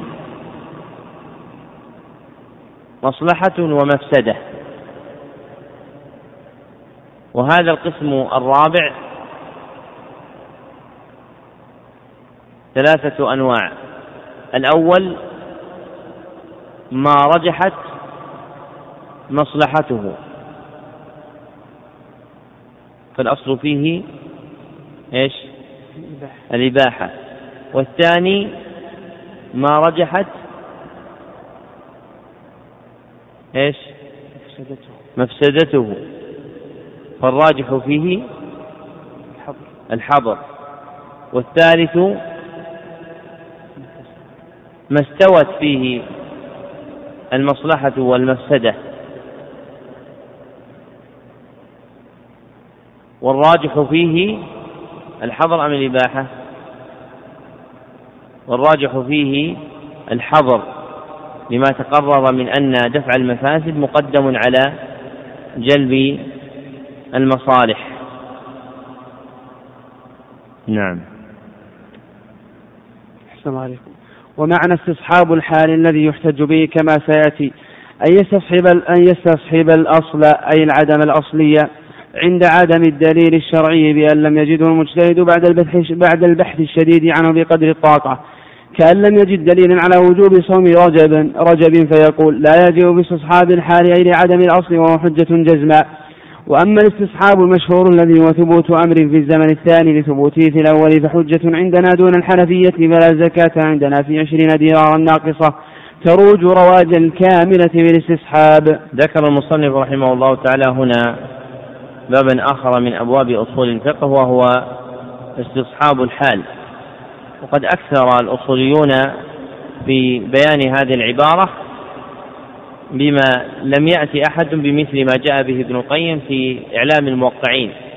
فعرف الاستصحاب بقوله هو استدامة إثبات ما كان ثابتا ونفي ما كان منفيا واستدامة إثبات ما كان ثابتا ونفي ما كان منفيا. ومن الاستصحاب نوع يسمونه الاستصحاب المقلوب وهو الذي أشار إليه بقوله وأما الاستصحاب المشهور وهو عندهم يسمى بالاستصحاب المقلوب. وهو عندهم أن يستصحب في الزمن الحاضر ما كان ثابتا في الزمن الماضي. أن يستصحب في الزمن الحاضر ما كان ثابتا في الزمن الماضي. كعين الماء الموقوفة على مصرف. وجه هذا المصرف. وهي اليوم تستعمل في سقيا نخل المسجد. فيكون مصرفها المجهول هو الذي وجد في الحاضر ولا يغير عنه. نعم. وأما الأدلة فيقدم الجلي منها على الجلي منها على الخفي وذلك كالظاهر والمؤول فيقدم اللفظ في المعنى الحقيقي على معناه المجازي والموجب للعلم على الموجب للظن. وذلك كالمتواتر والأحاد فيقدم الأول إلا يكون عاما انظروا إلى الإدخالات التي تدخل في الكتب عندما قال هذا الذي بوب بعض التبويبات قال تعارض الأدلة مع أن تقدم عندنا قال فصل في التعارض وهذا ليس تعارض الأدلة هذا الترجيح بين الأدلة. نعم. السلام عليكم. وذلك كالمتواتر والآحاد فيقدم الأول إلا يكون عاما يرخص بالثاني كما تقدم من تخصيص الكتاب بالسنة والنطق من كتاب وسنة على القياس إلا يكون النطق عاما فيخص بالقياس كما تقدم. والقياس الجلي على الخفي وذلك كقياس العلة على قياس الشبه فيوجد في النطق من كتاب أو سنة ما يغير الأصل أي العدم الأصلي الذي يعبر عن استصحابه باستصحاب الحال فواضح أنه يعمل بالنطق وإلا أي وإن لم يوجد ذلك فيستصحب الحال أي العدم الأصلي أي يعمل به. ذكر المصنف رحمه الله تعالى هنا بابا من أبواب أصول الفقه وهو الترجيح. والمراد بالترجيح تقديم دليل على دليل وأنواع المرجحات كثيرة. وقد عدها بعضهم فبلغها مئتين. قال العلامة محمد الأمين الشنقيطي ومن رام حصرها فقد رام شططا. ومن رام حصرها فقد رام شططا. لكن يمكن إرجاع هذه الأنواع جميعا إلى ثلاثة أنواع. النوع الأول ما يرجع إلى المنقول.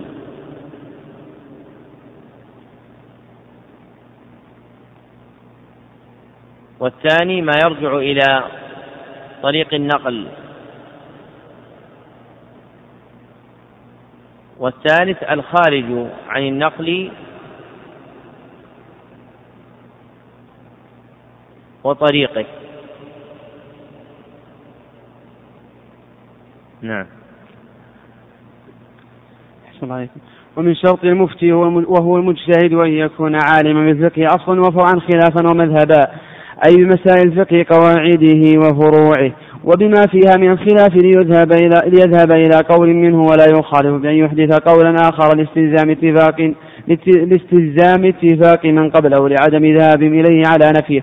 وأن يكون كامل الآلة في اجتهاده عارفا بما يحتاج إليه بما يحتاج إليه في استنباط الأحكام من النحو واللغة ومعرفة الرجال الراوين للأخبار ليأخذ برواية المقبول منهم دون المجروح وتفسير الآيات الواردة في الأحكام. والأخبار الواردة فيها ليوافق ذلك في اجتهاده ولا يخالف وما ذكره من قول وما ذكره من قوله عارفا إلى آخره. من جملة آلة الاجتهاد ومنها معرفته بقواعد الأصول وغير ذلك. ومن شرط المستفتي أن يكون من أهل التقاليد فيقلد المفتي في الفتيا تقليدي. صلى الله عليه ومن شرط المستفتي أن يكون من أهل التقليد فيقلد المفتي في الفتيا. فإن لم يكن الشخص من أهل التقليد فإن كان من أهل الاجتهاد فليس له أن يستفتي كما قال. وليس للعالم أي المجتهد أن يقلد لتمكنه من الاجتهاد. والتقليد قبول قول القائل بلا حجة يذكرها فعلى هذا قبول قول النبي صلى على هذا قبول قول النبي صلى الله عليه وسلم فيما ذكر من أحكام لا يسمى تقليدا. ومنهم من قال التقليد قبول قول القائل وأنت لا تدري من أين قال وإذا تعلم أخذه في ذلك فإن قلنا إن النبي صلى الله عليه وسلم كان يقول بالقياس بأن يجتهد فيجوز أن يسمى فيجوز أن يسمى قبول قوله تقليدا لاحتمال أن يكون عن اجتهاد وإن قلنا إنه لا يجتهد وإنما يقول عن وحي وما ينطق عن الهوى إن هو إلا وحي يوحى فلا يسمى قبول قوله تقليدا لاستناده إلى الوحي وأما الاجتهاد فهو بذل الوسع في في بلوغ الغرض المقصود من العلم ليحصل له فالمجتهد إن كان كامل الآلة في الاجتهاد. كما تقدم بأن اجتهد بأن اجتهد في الفروع فأصاب فله أجران على اجتهاده وإصابته وإن اجتهد فيها وأخطأ فله أجر واحد على اجتهاده وسيأتي دليل ذلك. ومنهم من قال كل.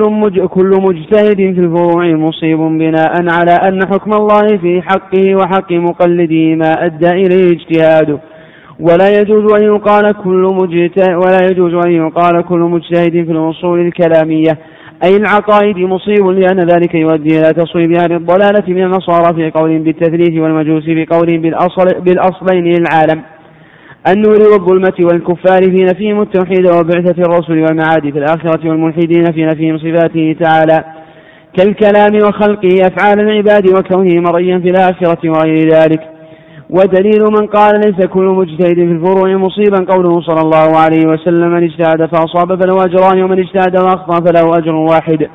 وجه الدليل أنه صلى الله عليه وسلم خط المجتهد تارة وصوبه أخرى.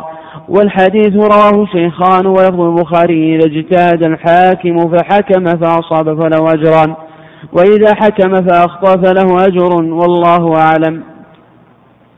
لما كان من ما يشتمل عليه أصول الفقه حال المجتهد ذكر العلماء رحمهم الله تعالى هذا الباب وهو باب المفتي والمستفتي والاجتهاد والتقليد في أصول الفقه. والمفتي هو المخبر عن حكم الشرع.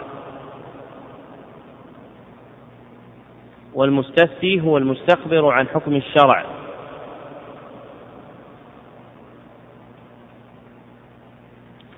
أو نقول المفتي هو المخبر عن حكم الله.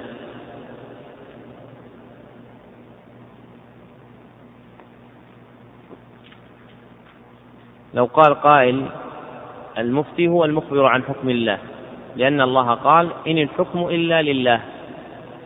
فالحكم ليس لغيره فيكون خبر المفتي هو خبر عن حكم الله.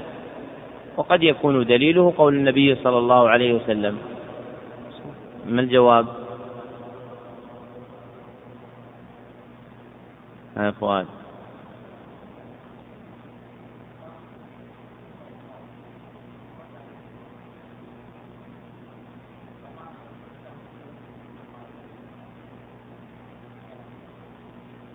طيب.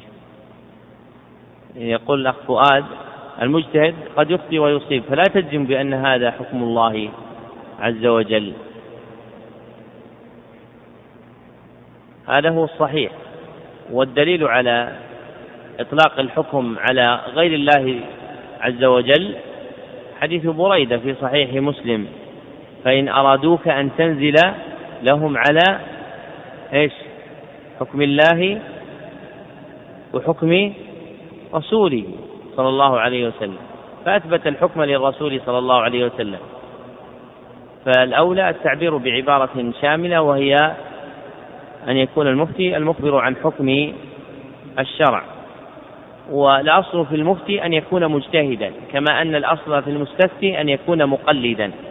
ولهذا أتبع العلماء الكلام على المفتي والمستفتي بالكلام على الاجتهاد والتقليد.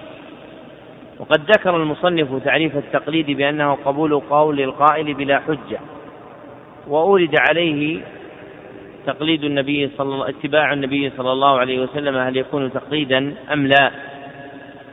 والسالم من المعارضة أن, يقال إن التقليد هو تعلق العبد هو تعلق العبد بمن ليس حجة لذاته في حكم شرعي هو تعلق العبد بمن ليس حجة لذاته في حكم شرعي. ويقابله الاجتهاد وهو بذل الوسع من متأهل للنظر في الأدلة لاستنباط حكم شرعي هو بذل الوسع من متأهل للنظر في الأدلة لاستنباط حكم شرعي.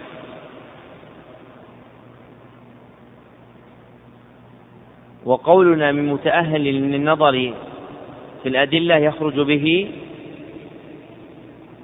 من؟ من ليس متأهلا. فما يقوله كثير من الناس في الاعتذار لأحد بأنه مجتهد ليس صحيحا. ليس كل من فعل مجتهد ولكن من فعل وهو متأهل للنظر هذا مجتهد.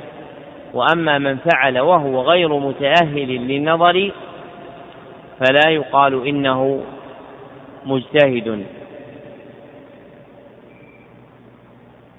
ومحل الاجتهاد هو استنباط الأحكام الشرعية عند الأصوليين لذلك قيد بهذا القيد.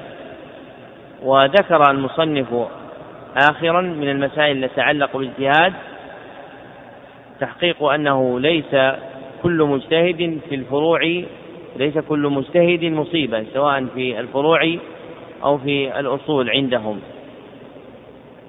بل المصيب واحد هذا هو القول الصحيح في هذه المسألة.